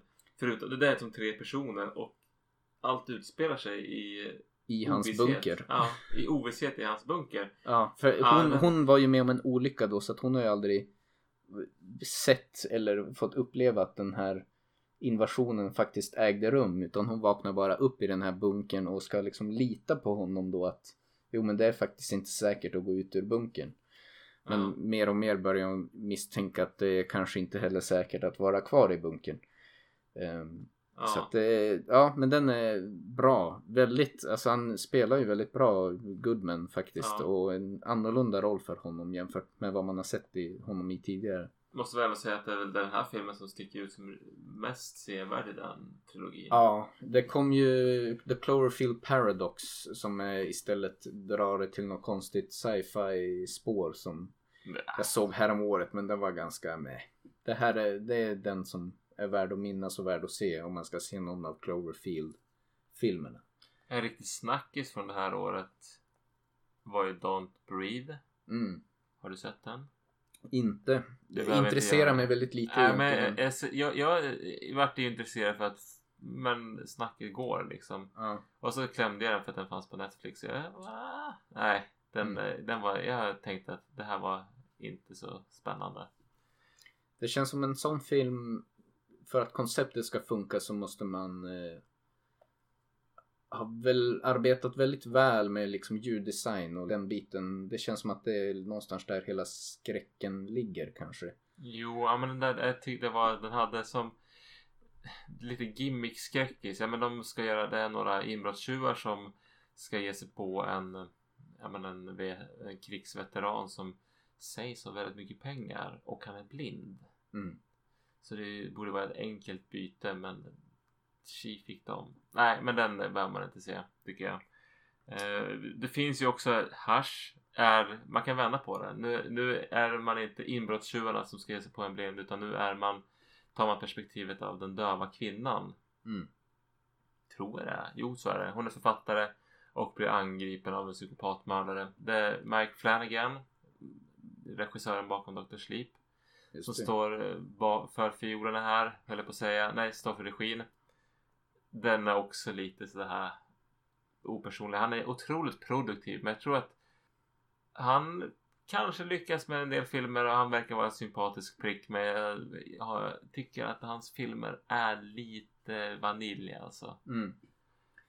Vi har ju annars en film som jag ångrar djupt att jag inte hann snappa upp medan den var på Netflix. Men vi får försöka vaska fram den. Men det är ju Train to Busan. Den lånade jag på biblioteket Ja men perfekt.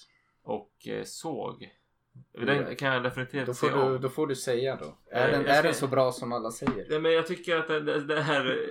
eh, om vi säger så här. Den är två timmar lång zombiefilm på ett tåg. Mm. Och det låter ju väldigt svårt att få den idén att hålla i två timmar. Men den håller i två timmar. Det är ett gäng karaktärer som ändå fungerar bra. Det är lite fånigt men jag, jag tycker att den... Ja, absolut en film som man bör se. Annan stor snackis under året var ju Split. Som eh, jag Shyamalan, faktiskt inte har sett. Inte men eh, Ja, ska man lita på folket så verkar han ju ändå få till det hyfsat bra i den här filmen. Ehm, men jag vet egentligen ganska lite om det. Jag vet att jag såg trailern och jag vart inte sådär jättesugen. Men, eh, men även en del folk som jag litar på om jag säger så.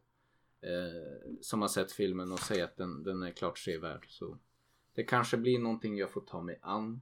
Ja. Eh, en annan lite bubblare som kanske gick under radarn för många under året var ju Under the Shadow som är brittiskt produktionsbolag men eh, iransk regissör och utspelar sig i Den Iran. var inte alls tokig tycker Som jag. var, ja, nej men väldigt bra så här mysrysare på något vis. Det är inte någonting jättehemskt men det är så här, ja men lite så här kalla kårar. Men den har också en... Film, liksom. Ja men det, dels har den en bra skräckmässigt men den har också en annan historia som jag tycker är spännande. Som Mm. berättas parallellt. Ja men den, den vill jag... Den kommer vi kanske ta på Iran-avsnittet. Ja, det känns Så som att vi har, vi har ett Iran-avsnitt eh, på G. Det, Yes. det finns en del intressanta filmer därifrån att se och, och avhandla. Så vi kanske inte behöver gå in så mycket mer på den filmen här. Nej. Sen har vi ju några skandinaver som har dragit till Hollywood. Vi kan börja med Autopsy of Jane Doe. Övredal som gjorde Trolljägaren. Han Mm. har fått eh, göra en eh, skräckfilm där det är ett, en far och en son som har som ett funeral home. Eller vad man ska säga. Jag vet inte om ett funeral home.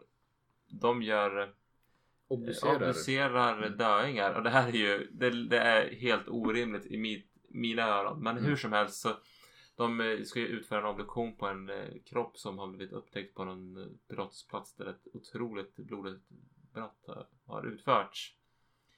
Och vi får följa, de gör otäcka fynd på den här kroppen och det händer både det ena och det andra. Den, jag tycker den ändå är absolut sevärd. Mm. Den var otäck och den var lite annorlunda. Och eh, sen har vi vårt svenska hopp eh, eh, David Sandberg tror jag han heter. Eh, från Jönköping som har gjort fick göra Lights Out. Han gjorde först en Youtube-film som, eh, hur, som handlar om ett, ja men det är ett monster som träder fram i skuggorna. Så när man Mm. släcker lampan så eh, kan den röra sig fritt och när man tänder så är det ingen fara längre. Och nu har han gjort den här kortfilmen till långfilm. Den höll väl nästan för det. Man hoppar till ganska mycket.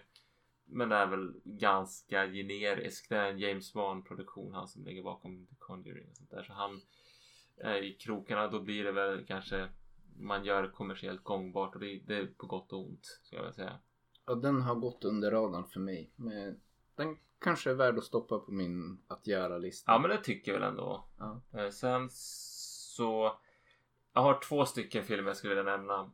En som inte riktigt kvalar in som skräckfilm men som jag ändå gillade. Och jag tror den finns kvar på Netflix. Och det är Personal Shopper. Mm. Har kanske jag snackat om tidigare i podden. Men det handlar om en kvinna, en ung kvinna som bor i Paris. Hon är från USA. Hon sörjer sin bortgångne bror. Hon jobbar som personlig assistent åt någon riktig diva. Om det är någon fotomodell eller filmstjärna. Något sånt där. Hon springer och gör ärenden, köper fina kläder och blir hönsad. Men det händer lite paranormala grejer. Den, ja men den är absolut sevärd om man, den skräms väl lite grann kanske.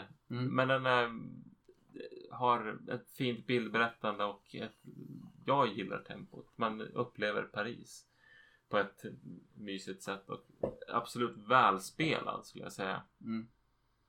Men eh, sen så har vi ju The Void.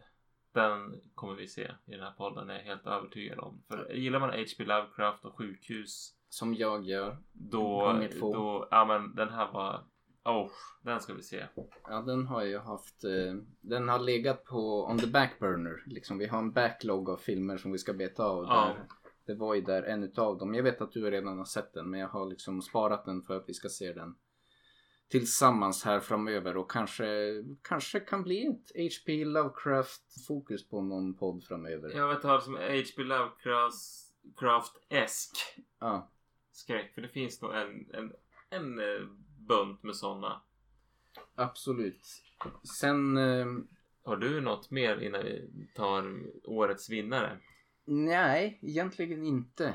Utan eh, ja, årets vinnare för mig, kanske till och med årtiondets vinnare för mig, eh, kommer det här året och det är ju den sydkoreanska filmen The Wailing som jag tycker är Ja. fantastiskt bra. Otroligt bra. Den är kortfattat eh, bipolis. Folk börjar bli sjuka på väldigt mystiska sätt i byn. Och han, byapolisen då som är van att hantera ganska små triviala brott blir ju indragen i att försöka hantera det här. Så småningom drabbas hans dotter också av den här smittan och då liksom höjs stakesen till maxnivå där han blir väldigt desperat för att hitta någon lösning på vad det är som håller på att hända i den här byn.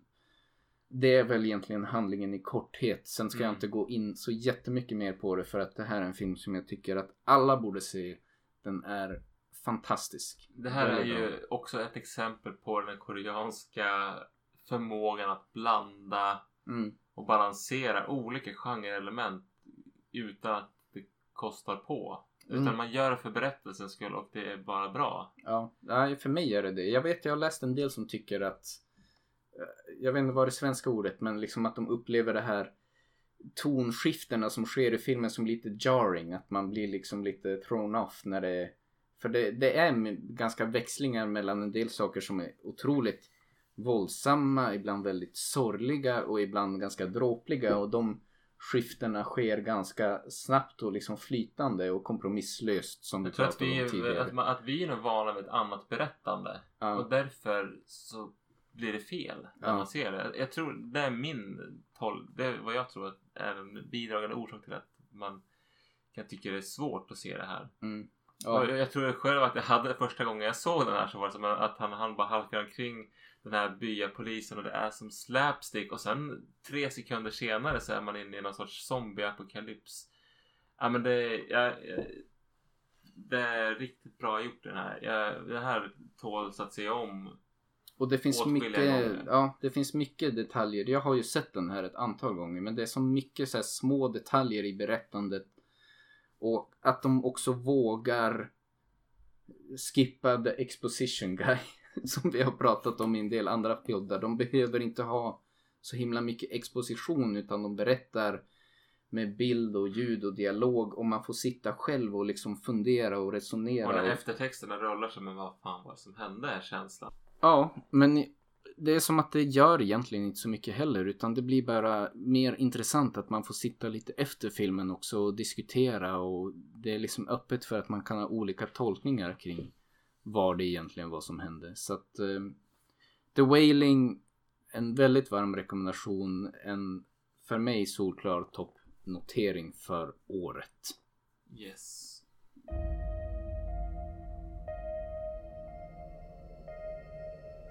나아가 이제까지 본 악질 중에서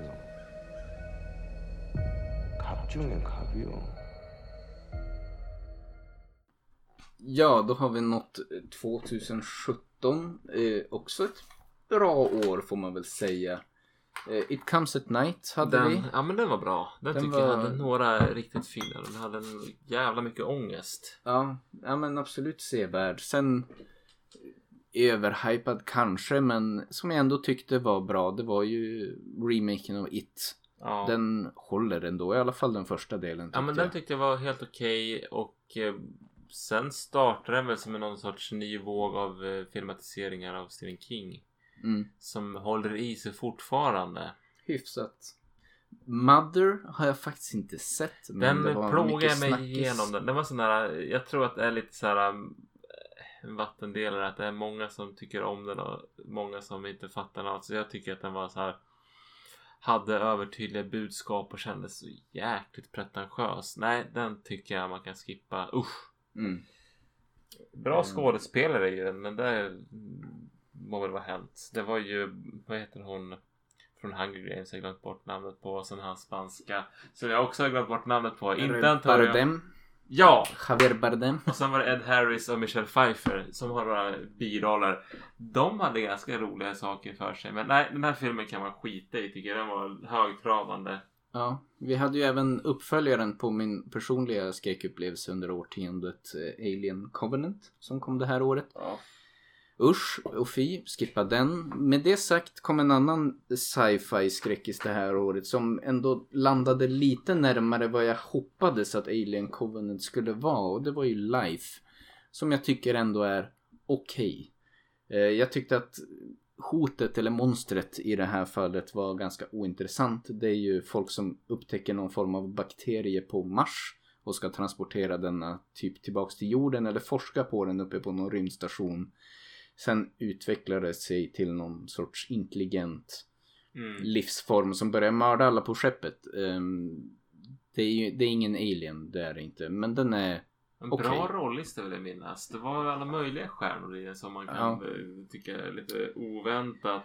Jake Gyllenhaal minns jag var Ja, huvudrollen han- och det var lite andra, Ja. andra ändå kompetenta skådespelare med också och den hade liksom den här Ja men den hade lite grann den här rymdslasher feelingen som Alien har. Sen tycker jag inte den, den kommer liksom inte upp på något sätt till Aliens nivå i hur tät spänningen och dramat i filmen är. Men den är, den är okej. Den, var- den är okej. En godkänd på den. Ja, eh, vi såg den ju på bio kommer jag ihåg. Det, den, den gjorde sig bra på bio. Mm. Sen så kommer jag inte göra jättehöga betyg men Ja, men den, jag tycker ändå med Covenant brev, om man sätter dem bredvid varandra så måste man ändå säga att Life är helt okej. Sen eh, kanske den stora hype train för året och välförtjänt så var ju Get Out. eh, Jordan Peels ja, debut på skräckmarknaden i alla fall. Mm. Ehm, den är ju väldigt bra. Den den stod i, i runner-up i alla fall för min toppnotering för året. Ehm, Okej. och den, jag menar, it's debatable. Den kanske skulle kunna haft den placeringen. Men jag har en annan film som jag håller i reserv för det. Get Out har jag ju satt som min topplacering för den tycker jag ändå. När vi såg om den här inför Jordan Peele avsnittet i våras så tyckte jag att den var bra. Fortfarande var bra. Den hade den, även fast man visste vad som skulle hända så tycker jag att den hade ett värde att se. Så jag, ja, men jag tycker den är bra. Jag Mm. ger den Guldkornspriset för 2017. Ja. En eh, side, eh, vad säger man, sidnotering, honorable mention för mig. Som eh, är ju också en sån här film som tangerar lite skräckgenren men inte riktigt. Det är ju El Bar. Ja just det, den ja. Eh, den tyckte jag ändå var, det är en väldigt underhållande film. Det är inte så mycket skräck i den. Det är mer som någon sorts psykologisk thriller slash svart komedi aktigt. Men det är folk som blir isolerade inne i en bar. Oklart varför men Ja, det händer en massa skumma saker utanför. Det, är någon, nej, men det, det blir något sorts undantagstillstånd där poliser och bränder och ja, men det, det, är det någon smitta eller vad Ja, är alltså det? är ju, det kommer in ja. någon person som de misstänker har smittats med något patogen på baren. Eh, baren försätts i karantän. Folk inne på den här baren börjar diskutera liksom, ja, vad ska hända? Vilka ska komma och rädda oss? Och sakta men säkert så sjunker tanken in att de kanske inte kommer att rädda oss. För det här är tydligen något patogen som militären eller i förlängningen då regeringen själva har skapat. Så att Mm. man börjar misstänka mer och mer att de kanske kommer bara försöka mörka det här och mer eller mindre mörda alla som är i den här baren. Bara för att mörka att det här biologiska vapnet som de hade gjort då har eh, kommit ut och släppts lös. Så att ehm, och ja, då är det mycket liksom diskussion och drama mellan de här lite intressanta filurerna som är på den här krogen som ska komma på hur de på bästa sätt ska försöka ta sig ut ur den här situationen. Ja, just det. Ehm, så den, ja men den är bra. Den är arguably kanske inte riktigt skräckfilm men eh, en sevärd film som Ja, men jag är tror jag, den, den rör sig i samma vatten ändå. Jag tror att man ändå...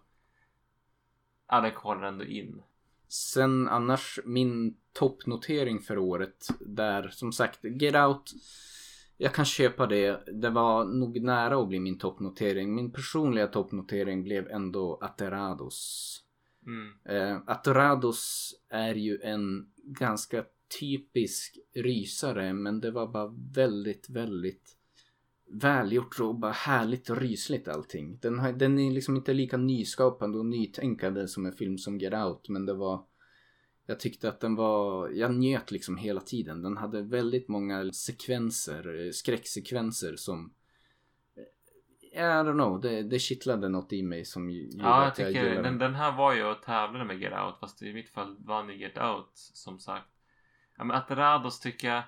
Här har vi den nästan som en antologifilm. För den berättelsen, det är liksom olika grejer som är otäcka och som berättas var för sig. Ja, Men varenda av de här berättelserna tycker jag är helgjutna skräckgrejer. Som, ja men den här har det är ju, Oh, om man snabbt ska summera, det utspelar sig på något sätt i ett, man kan säga nästan som ett kvarter som är hemsökt i någon stad i Argentina. Argentina skjuter jag lite från höften nu och gissar, men jag tror att det är Argentina det utspelar sig. ehm, Och eh, så kommer då en, ett gäng typ paranormala utredare och ska eh, ja men se liksom lite grann vad som händer och de sprider ut sig lite grann i, i lite olika ställen i det här kvarteret och sen har var och en av dem sin egen lilla miniberättelse kan man säga om Mm. vad, och vad de drabbas av under, under natten i det här kvarteret.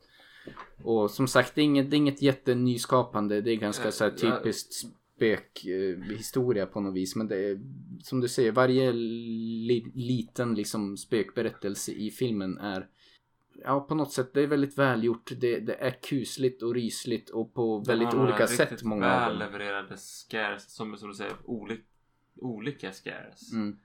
Men sen så kan man väl säga vad man vill om den här, den här ramberättelsen och sådär. Det håller inte så bra ihop. Det är lite löst i sömmarna men det gör inte så mycket. Jag tror att man får bara svälja det och, och acceptera att det här är en riktigt bra berg och dalbana Ja. skräckmässigt. Jag har hört ryktas att det kommer en remake på den här. En Det- amerikansk. Jag känner mig Behövs skeptisk. inte. Nej, jag, här jag förstår inte vad... Det är svårt att se att man kommer kunna göra det bättre. Men... Ja, vi får väl se. Ehm, men det... Ja, jag, jag hade nog kunnat bli övertalad men för, för nu och för tillfället Atarados för mig, Get Out för dig. De är båda väldigt väl värda att se. Som jag tycker att alla skräckfans borde ha på sin att göra-lista om de inte redan har betat av dem. Men det var 2017. —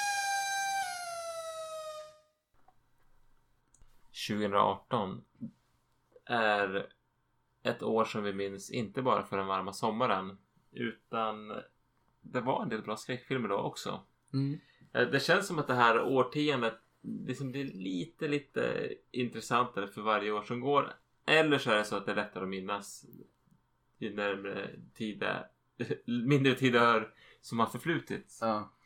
Eh, men 2018 hade vi eh, The Quiet Place, en riktig snackis, en riktig kioskvältare, lite överskattad Mm. Spielberg-esk skräck som jag tyckte var en okej bioupplevelse. Men jag störde mig lite på. ja, alltså det fanns mycket i den filmen som var... Jag vet inte. Det kändes som att de lite grann uppfann reglerna as they went along. Som jag kunde irritera mig lite grann på. Och så störde mig på den här helylle-präktiga familjen. Ja. För den som råkar missat det, men det, är ju, det handlar ju om någon sorts monster som har invaderat jorden och De är blinda men är väldigt... går på ljud. Precis. Extremt känsliga för ljud men det Det blir så mycket dumheter som när man liksom tänker efter längre än en sekund blir som väldigt märkligt. Där de, de bor ute på någon gård. De måste vara jätteförsiktiga och de måste vara tysta hela tiden för annars kommer monstren. Sen är det som någon ser då när pappan och, och sonen är och fiskar vid ett vattendrag och då är det som bara, ja men här går det bra att prata och skrika och göra vad man vill för här kan de inte höra oss. Och så är det som bara, okej men varför bor ni inte där då? Att det fanns så många sådana där grejer som jag bara, när man stannade upp och liksom bara, okej that's weird. Det hade inte blivit en film då. Nej, det hade väl inte gjort det, men det, ja, jag vet inte. Den, den är väl okej, I guess. Det, det är alltid lite lättare tror jag att lägga kritiska ögat till när det är en film som har varit så upphaussad också kanske. Ja, och så har man ju vänt på för att hoppa till en annan film som är lite grann på samma tema, att Bird Box. Nu är det inte monster som är blinda utan nu är det protagonisterna som måste bli blinda för att inte bli galna. Mm. Är det samma år? Sandra Bullock, jag tror det var 2018 Ja, jo, när Bird Box Kan nog stämma. Ja, Och eh, den boken skrevs innan A Quiet Place. just det. Så det är inte en rip-off. Men kanske katalyserar A Quiet Place produktionen av denna. Men det, det går för kort tid emellan de här filmerna för att det ska vara rimligt. Utan de- det var bara en coincidens. Mm. Eh, sammanträffande. Eh, ah, den var inte Den var inte bättre än A Quiet Place. Den kändes som lite grann samma grej. Ja, alltså för mig, jag tycker den var varken bättre eller sämre än A Quiet Place. De var båda okej. Ehm, inte riktigt min kopp av te, kanske. Nej. Tyvärr. Men de är, de är nog båda helt okej att se. Jag ska inte skita för mycket på dem. På filmer som lite, lite grann angränsar till skräck som ändå är värda att nämna här. var Lords of Chaos. Inte sett. Eh, Jonas Åkerlund har gjort som en biopic över eh, eh, den norska true black metal scenen i början på 90-talet. Mm. Om man säger så här, det, kommer Bohemian Rhapsody och den här Elton John eh, och eh, vad fasen heter det? Ted Gärdestad och Björn Borg alla möjliga sådana här biopics. De kan, de har jag i och för sig inte sett men kan tänka mig står sig ganska slätt jämfört med det här brutala. Det här är en, det, men det, det, det handlar, det baseras på verkliga händelser och Jonas Åkerlund är en gammal hårdrockare som har varit i kontakt med den här scenen och han, jag tycker ändå att han gör han, det är han som gjort en massa Prodigy och Madonna videos. Han är känd för det. Mm, men han har mm. gjort en spelfilm som handlar om den här black metal scenen och han, han gör det med någon sorts vördnad. Och han, ja men true black metal. Han gör det här också true mot sanningen. Mm. Att om man ska berätta vissa saker av sanningen, ja men då tar han, då visar han det som är brutalt helt ofiltrerat. Mm. Vilket gör den här filmen fruktansvärt obehaglig. För det förekommer självmord och man får se kroppar och det är liksom det, det är en, en riktig musiker som tog livet av sig som var lead singer eller ska man säga, Frontman. frontman Mm. för Mayhem, ett norska metal, black metal bandet. Han var svensk som var deprimerad och tog livet av sig. Är det där de bränner någon kyrka De också? bränner kyrkor till höger och vänster. Ja, Men det. ja, och det, den här filmen är egentligen en biopic. Men eftersom det förekommer så mycket våld i den här så blir det som en skräckfilm. Det är några rejäla jumpscares, det är några mord Mm. som är bland det obehagligaste jag har sett. Det här är ingenting. Det där var nästan för mycket för mig om man säger så. För man det är någon som, jag menar det är två knivmord där det är så mycket hugg och det är, det är inga ljud förutom huggen. Ja. Så det, det gör ont i kroppen att se det här. Det, det, det är vissa, menar, det är som lite cannibal holocaust. Det här är inte för känsliga tittare enligt min mening. ja, just Så- att det är på riktigt också. Det, känns, det här känns otroligt på riktigt. Mm. Men ja, en ganska intressant skildring av det här. Sen kan jag väl, den håller inte riktigt ihop till slutet men en intressant nära skräckupplevelse. Mm. Därför vill jag ta upp den. Och en liten kuriosa grej. Det här är en lågbudgetfilm. Så de for till om det är Budapest de har spelat in det mesta av den här filmen.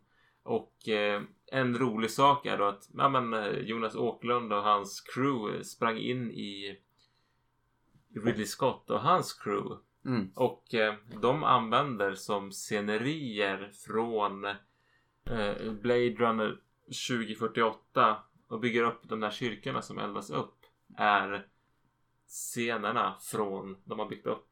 Aha, Så det är lite, är väl lite kul eh, kul. kul. kuriosa. Ja. Eh, annars för året Apostle tyckte Ja, jag var är- okej. Den är inget att liksom höja till skyarna men den, den går an. Den var, kunde ha varit bättre med konceptet än vad det var. Det känns som en lite grann hommage kanske till Wickerman på Ja, något absolut. vis. Den hade många...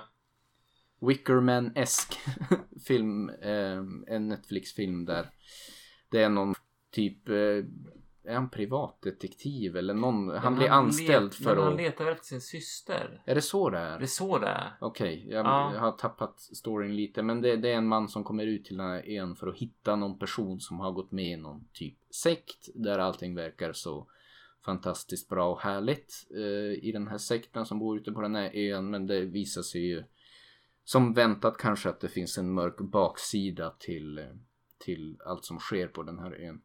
Några riktigt obehagliga scener som nästan var onödigt obehagliga Ja, för berättelsens skull. The Ritual, är det från 2018? Det kanske inte ens är det.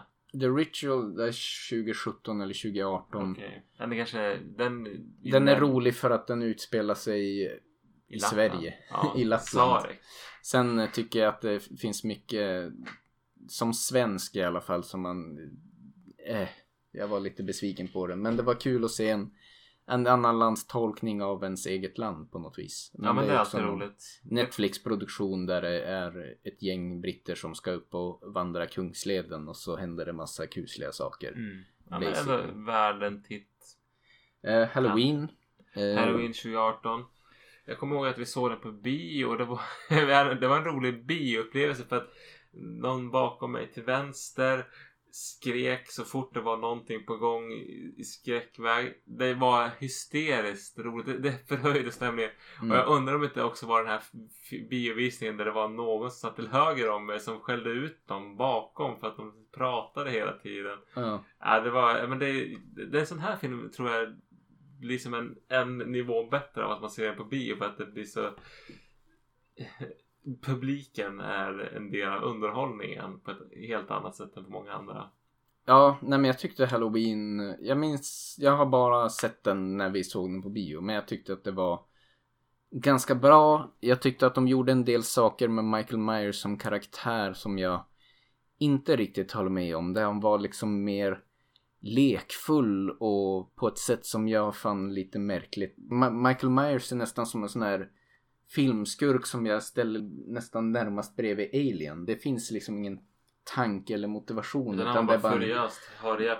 Det finns mördarmaskin. det finns en sekvens i filmen som verkligen gör honom till den här mördarmaskinen. Det är bra spelat av han som spelar Michael Myers och det är bra regisserat. Men jag tror den scenen du tänker på framförallt är på den här toaletten. Han har, han har slagit ut tänderna på någon. Han håller på och leker katt och råtta med en av de här podcastarna. Ja. Så att det fanns eh, aspekter av den som jag störde mig på.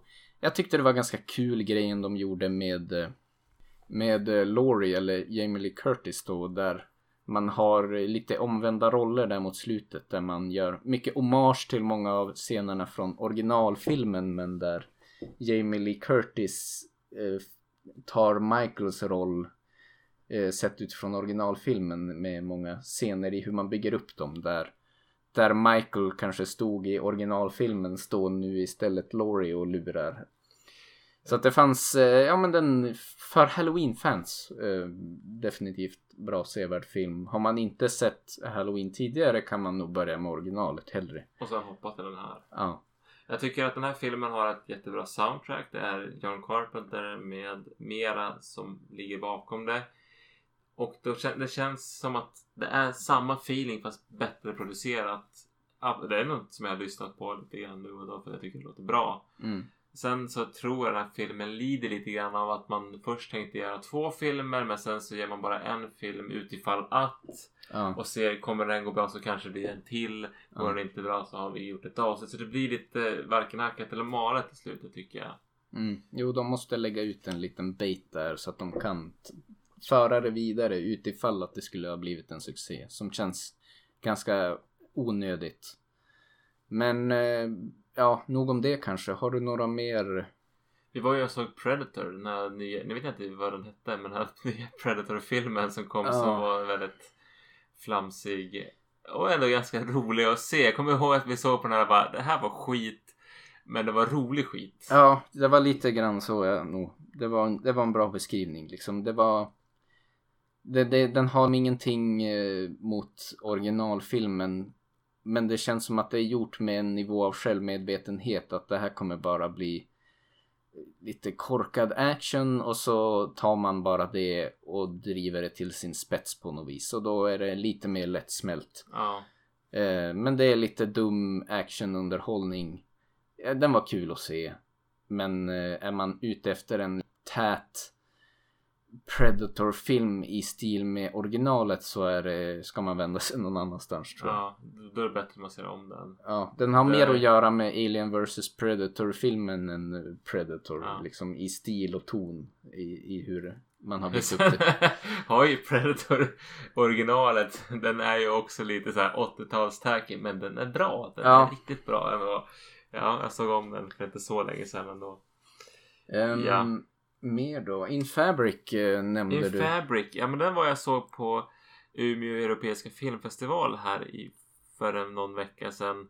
Det är ju Peter Strickland, han som ligger bakom Barbarian Sound Studio. som har gjort en film som handlar om en röd klänning som verkar ha en vilja förbannelse över. Det är en kvinna som köper den på någon sorts mellandagsrea. Det börjar väl så här, äh, man får något eksem av den där. De ska gå på någon dejt som är helt misslyckad och det, ja, den här klänningen. Det händer en massa otäcka saker med den här och det slutar inte så bra. Eh, Peter Strickland är en egensinnig regissör som verkar gilla Giallo. Han har lite av det här visuella tänket som Dario Argento och mycket Giallo-filmare har. Så den här filmen är skitsnygg på en del sätt och den är samtidigt som den har en väldigt knepig och rolig humor. Men jag var lite besviken. Den, var, den blev lite seg. Den var ganska lång och det, det hände inte så mycket. Det blev mycket mer yta än innehåll tyvärr. Mm. Men ändå mm, okej. Den... För att den, den är, den är okej för... Jag tycker att den är sevärd. För att den är snyggt gjord. Det är en del roliga sekvenser i en absurd humor. Och den är lite annars än mycket annan skräck som man matas med. Okej. Jag hade ju, om vi närmar oss toppnoteringen så hade jag väl en honorable mention där som kanske skulle kunna nå toppnotering. Men jag nog, känner mig ganska trygg med mitt val. Men den honorable mention jag har som vi har pratat om en del i våra andra poddar. Men det är ju Mandy. Ja. Som är ju också så här tangerar skräck men det är, det är väldigt mycket yta eh, över innehåll fast på ett positivt sätt. Alltså visuellt en väldigt snygg film. Skitsnyggt soundtrack också. Ja, och sen vi har nött den och pratat lite grann om den i andra poddar så att vi kanske inte behöver djupdyka i det så mycket. Men det är en visuellt otroligt snygg film. Som är väl värd att se. Och är man ett fan av Nicolas Cage så är en av hans starkare roller som han gör i den här filmen. Ja, det finns en, en scen som är enligt vissa over the top. Men jag tycker den är den är så bra. Men det är, Badrumsscenen. jo, men det är ju i de eh, stunderna som Nicolas Cage är som bäst. Ja men nu blir jag sugen på att se om den här. Oh, Ja. vilken tur att jag har den på Blu-ray. Yes. jo, men det är en man som man bara ska släppa lös och låta han balla ur. Det är då han liksom skiner. Mm. Eh, men annars min toppnotering för året. Där är vi nog eniga tror jag. Hereditary. Ja, Ari Asters debutfilm Mm. med eh, Tony Collette som sörjande dotter och sedermera sörjande mamma. Mm. Eh, visuellt snygg, otäck och har mycket i sig. Och jag tror att den kommer växa på tittningarna. Ja, alltså jag känner det är en film som är mogen för mig att se om nu. Att den var... Jag minns, eh, vi såg den på bio, jag tyckte den var väldigt bra. Jag upplevde liksom, den har ju ett skifte där mot slutet där de crankar upp eh, tempot till 210% som jag hade lite svårt att förlika mig med första gången vi såg den där på bio men med lite distans kring det så tyckte jag att ja men det, det kanske är ganska smart ändå. Ehm, sen var det en del av skräcksekvenserna i filmen också där mot slutet som nästan är lite så over the top att det blir dråpligt på ett sätt som inte kanske riktigt passar sig när hon lite klättrar längs väggen där och mm, I don't know. Men eh, det är detaljer egentligen. Overall en väldigt, väldigt bra film. Och min toppnotering för eh, året 2018. Och det är väl egentligen inte så oväntat. Jag tycker att den, ja men det är för att den har både hyllar en del gammal skräckfilm, har roliga skådespelarinsatser, en rolig berättelse men också adderar något eget till det. Ja, men det får avrunda 2018. Men nu är, har vi verkligheten kommit ikapp oss. Ja, 2019.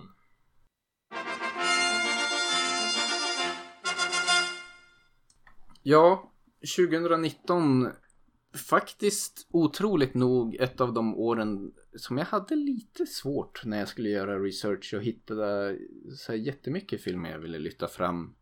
Paradoxalt nog, för vi har sett många filmer i år men kanske inte så mycket från 2019. Men annars, eh, ja, på tal om det vi nyss pratade om så har vi ju Ari Asters andra film Midsommar som vi såg. Jag var inte stört förälskad i den men den är sevärd. Ehm, Midsommar. Det är som en tre filmer den här sommaren som kommer från de här nya autörerna. Mm, Ari Aster kommer med Midsommar som sagt. mm. Jordan Peele. Ass. Och sen så har vi Robert Eggers. Ja, du är med bättre på namn än jag. Lighthouse. Ja, Du kollar just det. Eh, jo, nej men det, The Lighthouse absolut. eh, Det är ju samma regissör då som till The Witch som vi hade som en tidigare toppnotering. The Lighthouse för mig tyckte jag var inte lika bra. Eh, det han gör bra i The Lighthouse gör, det är lite grann samma som i The Witch. Att skapa den här jag vet inte, påträngande känslan av isolering och liksom desorientering som det skapar. Och de här Mm. karaktärerna som spelar väldigt bra av varandra. I det Det- här fallet istället för en nybyggarfamilj som är isolerad i skogen så är det en Det är två fyrvakter som är ute på någon sten i Atlanten och eh, den ena är en äldre eh, sjöbjörn spelad av Willem Dafoe mm, och den yngre är eh, första gången han är ute på något sånt här arbete och spelas av Robert Pattinson även känd från Twilight, en riktig hunk. Ja, nej men det var Jag skulle väl säga, jag tycker att liksom storyn som helhet höll inte riktigt ihop lika bra för mig. Nej, det Alltså, höll inte hela vägen. Jag tror inte att det räckte för den här filmen. Det var- Skådespeleriet är ju jätteroligt men Ja. historien Det vart lite så här. Det, en, alltså det var lite grann den här dynamiken mellan eh, Robert Pattinson och, och vad han nu heter, gamla sjöbjörnen, Dafoe. Willem Dafoe, tack. Eh, Det är liksom det som bär upp filmen men eh, den kunde ha varit en 20 minuter kortare kanske för att det håller som inte riktigt hela vägen. Det blir lite repetitivt. Och den har ju som inte riktigt lika mycket av story som The Witch heller utan Nej. här är allt väldigt förvirrande.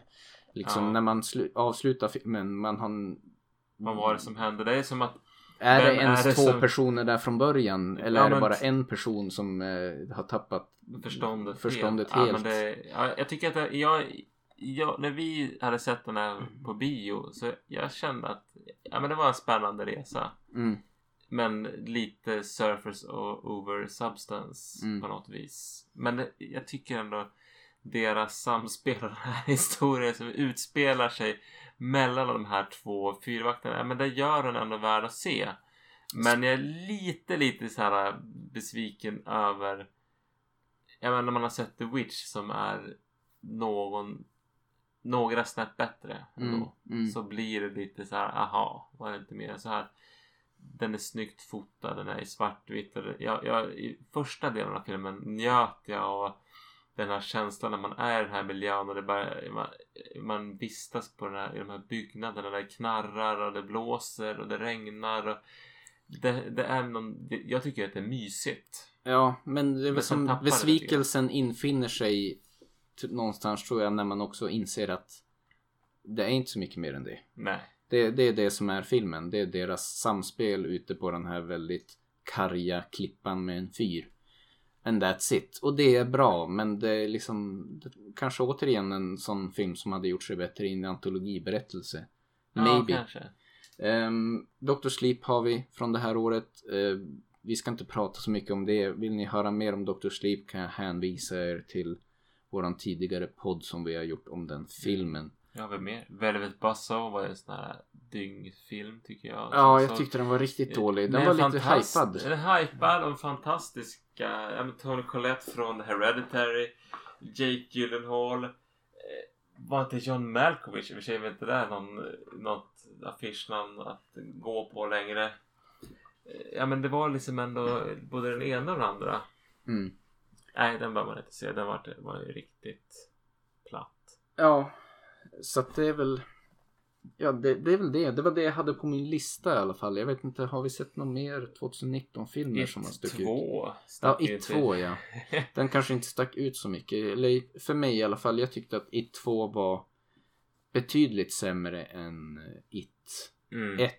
Ja, Den var, ja men det var som eh, de här skulle återvända till eh, staden i It för att eh, i vuxen ålder bekämpa Pennywise Mm och så ska de alla hitta sin token och då blir det som att man får följa det blir typ samma berg och dalbanetur gånger fyra, fem, sex eller hur många de nu är. Ja, och det blir väldigt förutsägbart. Det, det är lite olika kreativa scares, maybe. Arguably på sitt sätt. Men det är som du säger, de ska alla hitta ett token, en, en sak som är kopplad till deras barndom i den här staden som de ska använda för någon ritual. Och så åker alla i den här gruppen iväg ut för sig själv då och ska försöka hitta den här eh, tinget. Eh, Och that's basically the movie. Och det, alla går igenom ungefär samma story arc. Ja, det blir lite tradigt. Ja, och ja, jag vet inte. Ja, det var inte så väl sammansatt. Eller casten tycker jag inte passar. Nej, det, det var många saker som inte riktigt höll ihop i den här filmen tyvärr. Men, men. Det, vad har vi mer? Det, det, det känns ju som att kommer den här, eh, har det kulminerat nu Stephen King-vågen som har sköljt över oss? Kanske. Det, jag vet inte riktigt vad som kommer härnäst. Jag skulle säga för 2019 så är ju Ass ändå min absoluta toppnotering. Eh, faktiskt. Jag tyckte att Ass var väldigt bra. Jag tycker Mm, för mig i alla fall personligen. Jag skulle kanske behöva se om Ass också men spontant tyckte jag ändå att Ass var till och med strået vassare än Get Out. Ehm, men den är också, liksom man håller stilen, man håller klassen. Jag ser fram emot vad han ska göra härnäst. Men ja, jag vet inte. Ass är min toppnotering för året. Med kanske Lighthouse som en honorable mention. Men jag tycker aldrig att eh, Ass var hotad på tronen. Nej, jag tycker Ass var... Ja men Midsommar, av de här tre autörerna som kom tillbaka så tycker jag Jordan Peele var den som faktiskt eh, lyckades motsvara förväntningarna. Ja, och göra någonting som kändes också nytt. Ja. Jag vet inte. Ar eller Ari Aster. med Midsommar är i och för sig någonting nytt men det höll inte riktigt ihop för mig. Eh, och The Lighthouse kändes som att det var väldigt bekant eh, i förhållande till The Witch men inte riktigt lika bra. Mm. Typ. Så att eh, Ass får bli min toppnotering för året. Nu är det några dagar på året kvar men Det finns ju några filmer. Jag har hört goda rykten. Vi har väl kanske varit mer svårt att få tid att se film. Eh, Men Ready or Not tror jag kan vara en bra film som jag är sugen på att se. Den kanske skulle vinna årets bästa. Mm. Kanske inte, ingen aning. Knives Eye Out är ju mer av en thriller så den behöver vi inte ens prata om. Mm. Komedi, Mm. thriller. Jag skulle vilja till den som får möjligheten att komma över en kopia av den här eller som kan eh, få chansen att se det här på bio så har ju jag fick jag med en väldigt rolig filmupplevelse innan jag såg In Fabric på Umeå Europeiska filmfestival eller internationella vad det nu heter. De hade som en, de brukar köra en double feature. Förra året så körde de två dagar Argento-filmer samma kväll. Nu körde de In Fabric men innan dess en film som heter Deerskin. Så det var som ett tema klädesplagg som orsakar död och förödelse. mm, Och det här var en fransk film som handlar om en man som i princip bränner alla sina tillgångar för att eh, åka till Pyrenéerna och köpa en läderjacka gjord på hjortskinn.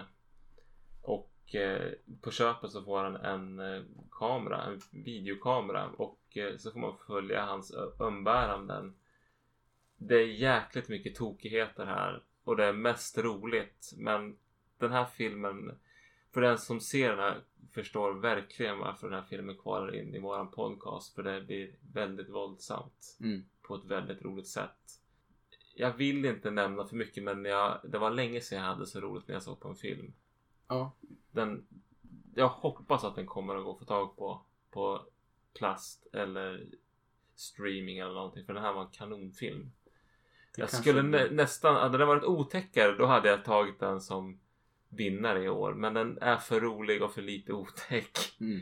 Äh, Us Winner, den är ju otäck och rolig.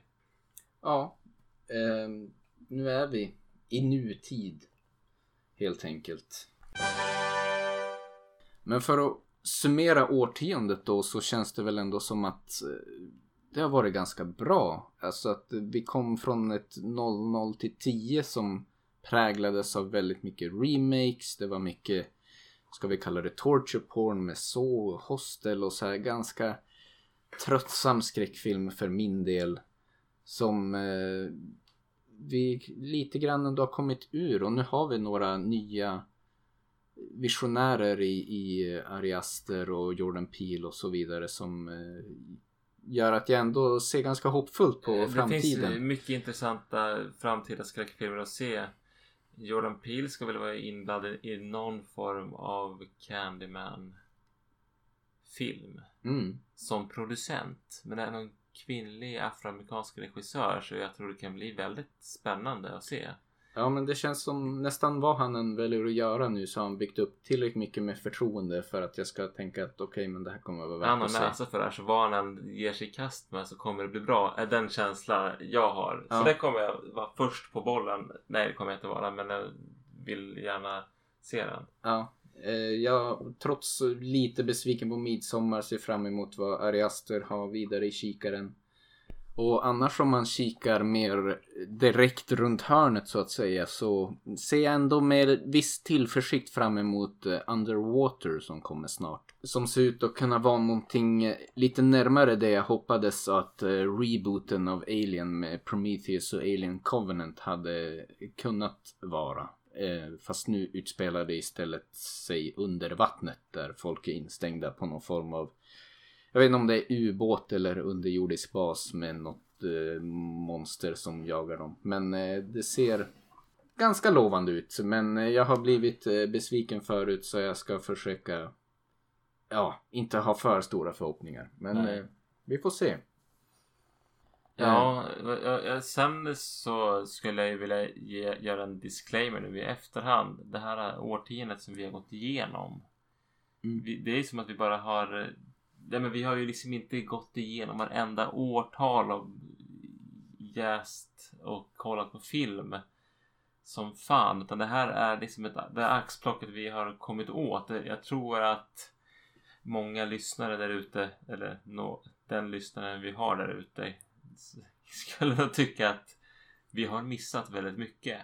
Ja, och så är det nog. Och jag tror att jag har nog kommit igång mer och mer och se på film i allmänhet och skräckfilm i synnerhet eh, mot den senare delen av det här årtiondet. Personligen i alla fall. Så att eh, eh, det finns, mm, det här är en väldigt personlig lista, det får man Mm. väl absolut säga. Eh, Men tittar man tillbaka på den här listan så skönjer jag ändå en bra utveckling med många som ser på skräckfilm, skräckfilmer som går bra. Och det känns som att vi kommer att få några år här med bra skräckfilmer. Jag håller båda tummarna för att den spaningen ska hålla. Absolut. Um, men eh, med det sagt så kanske vi ändå har nått vägens ände på det här podcastavsnittet. Vad vi har härnäst. Det, vi brukar ju som säga i slutet av våra avsnitt att ja, men snart kommer det här. Men det känns svårt att lova någonting. I januari kanske. Jag, jag vill ju köra det här Roadkill avsnittet som vi har pratat om. Men det är många spännande jorden runt Ja, destinationer också att bearbeta. Men samtidigt så har vi redan sett några Roadkill-filmer. Så ja, vi får se. Ehm, ja, vi kanske ska beta av det här Roadkill-avsnittet. Nu har vi liksom snackat om det i två, tre poddar i rad. så vi får det ur världen. Helt enkelt, ja. Ja. Men med det sagt, eh, vi ska inte lova för mycket. Vi hoppas att eh, det finns någon där ute som vill fortsätta lyssna. Och för de som nu lyssnar så vill jag önska alla en väldigt god jul och ett gott nytt år. Och ett gott nytt årtionde. Ja, så hörs vi igen eh, 2020 med en ny podcastavsnitt. Säsong två kanske vi ska kalla det då av Myrornas krig. Tack så mycket för att ni har lyssnat. God jul, gott nytt år. Ha det gott, ät julmat, drick bubbel och hej då för den här gången.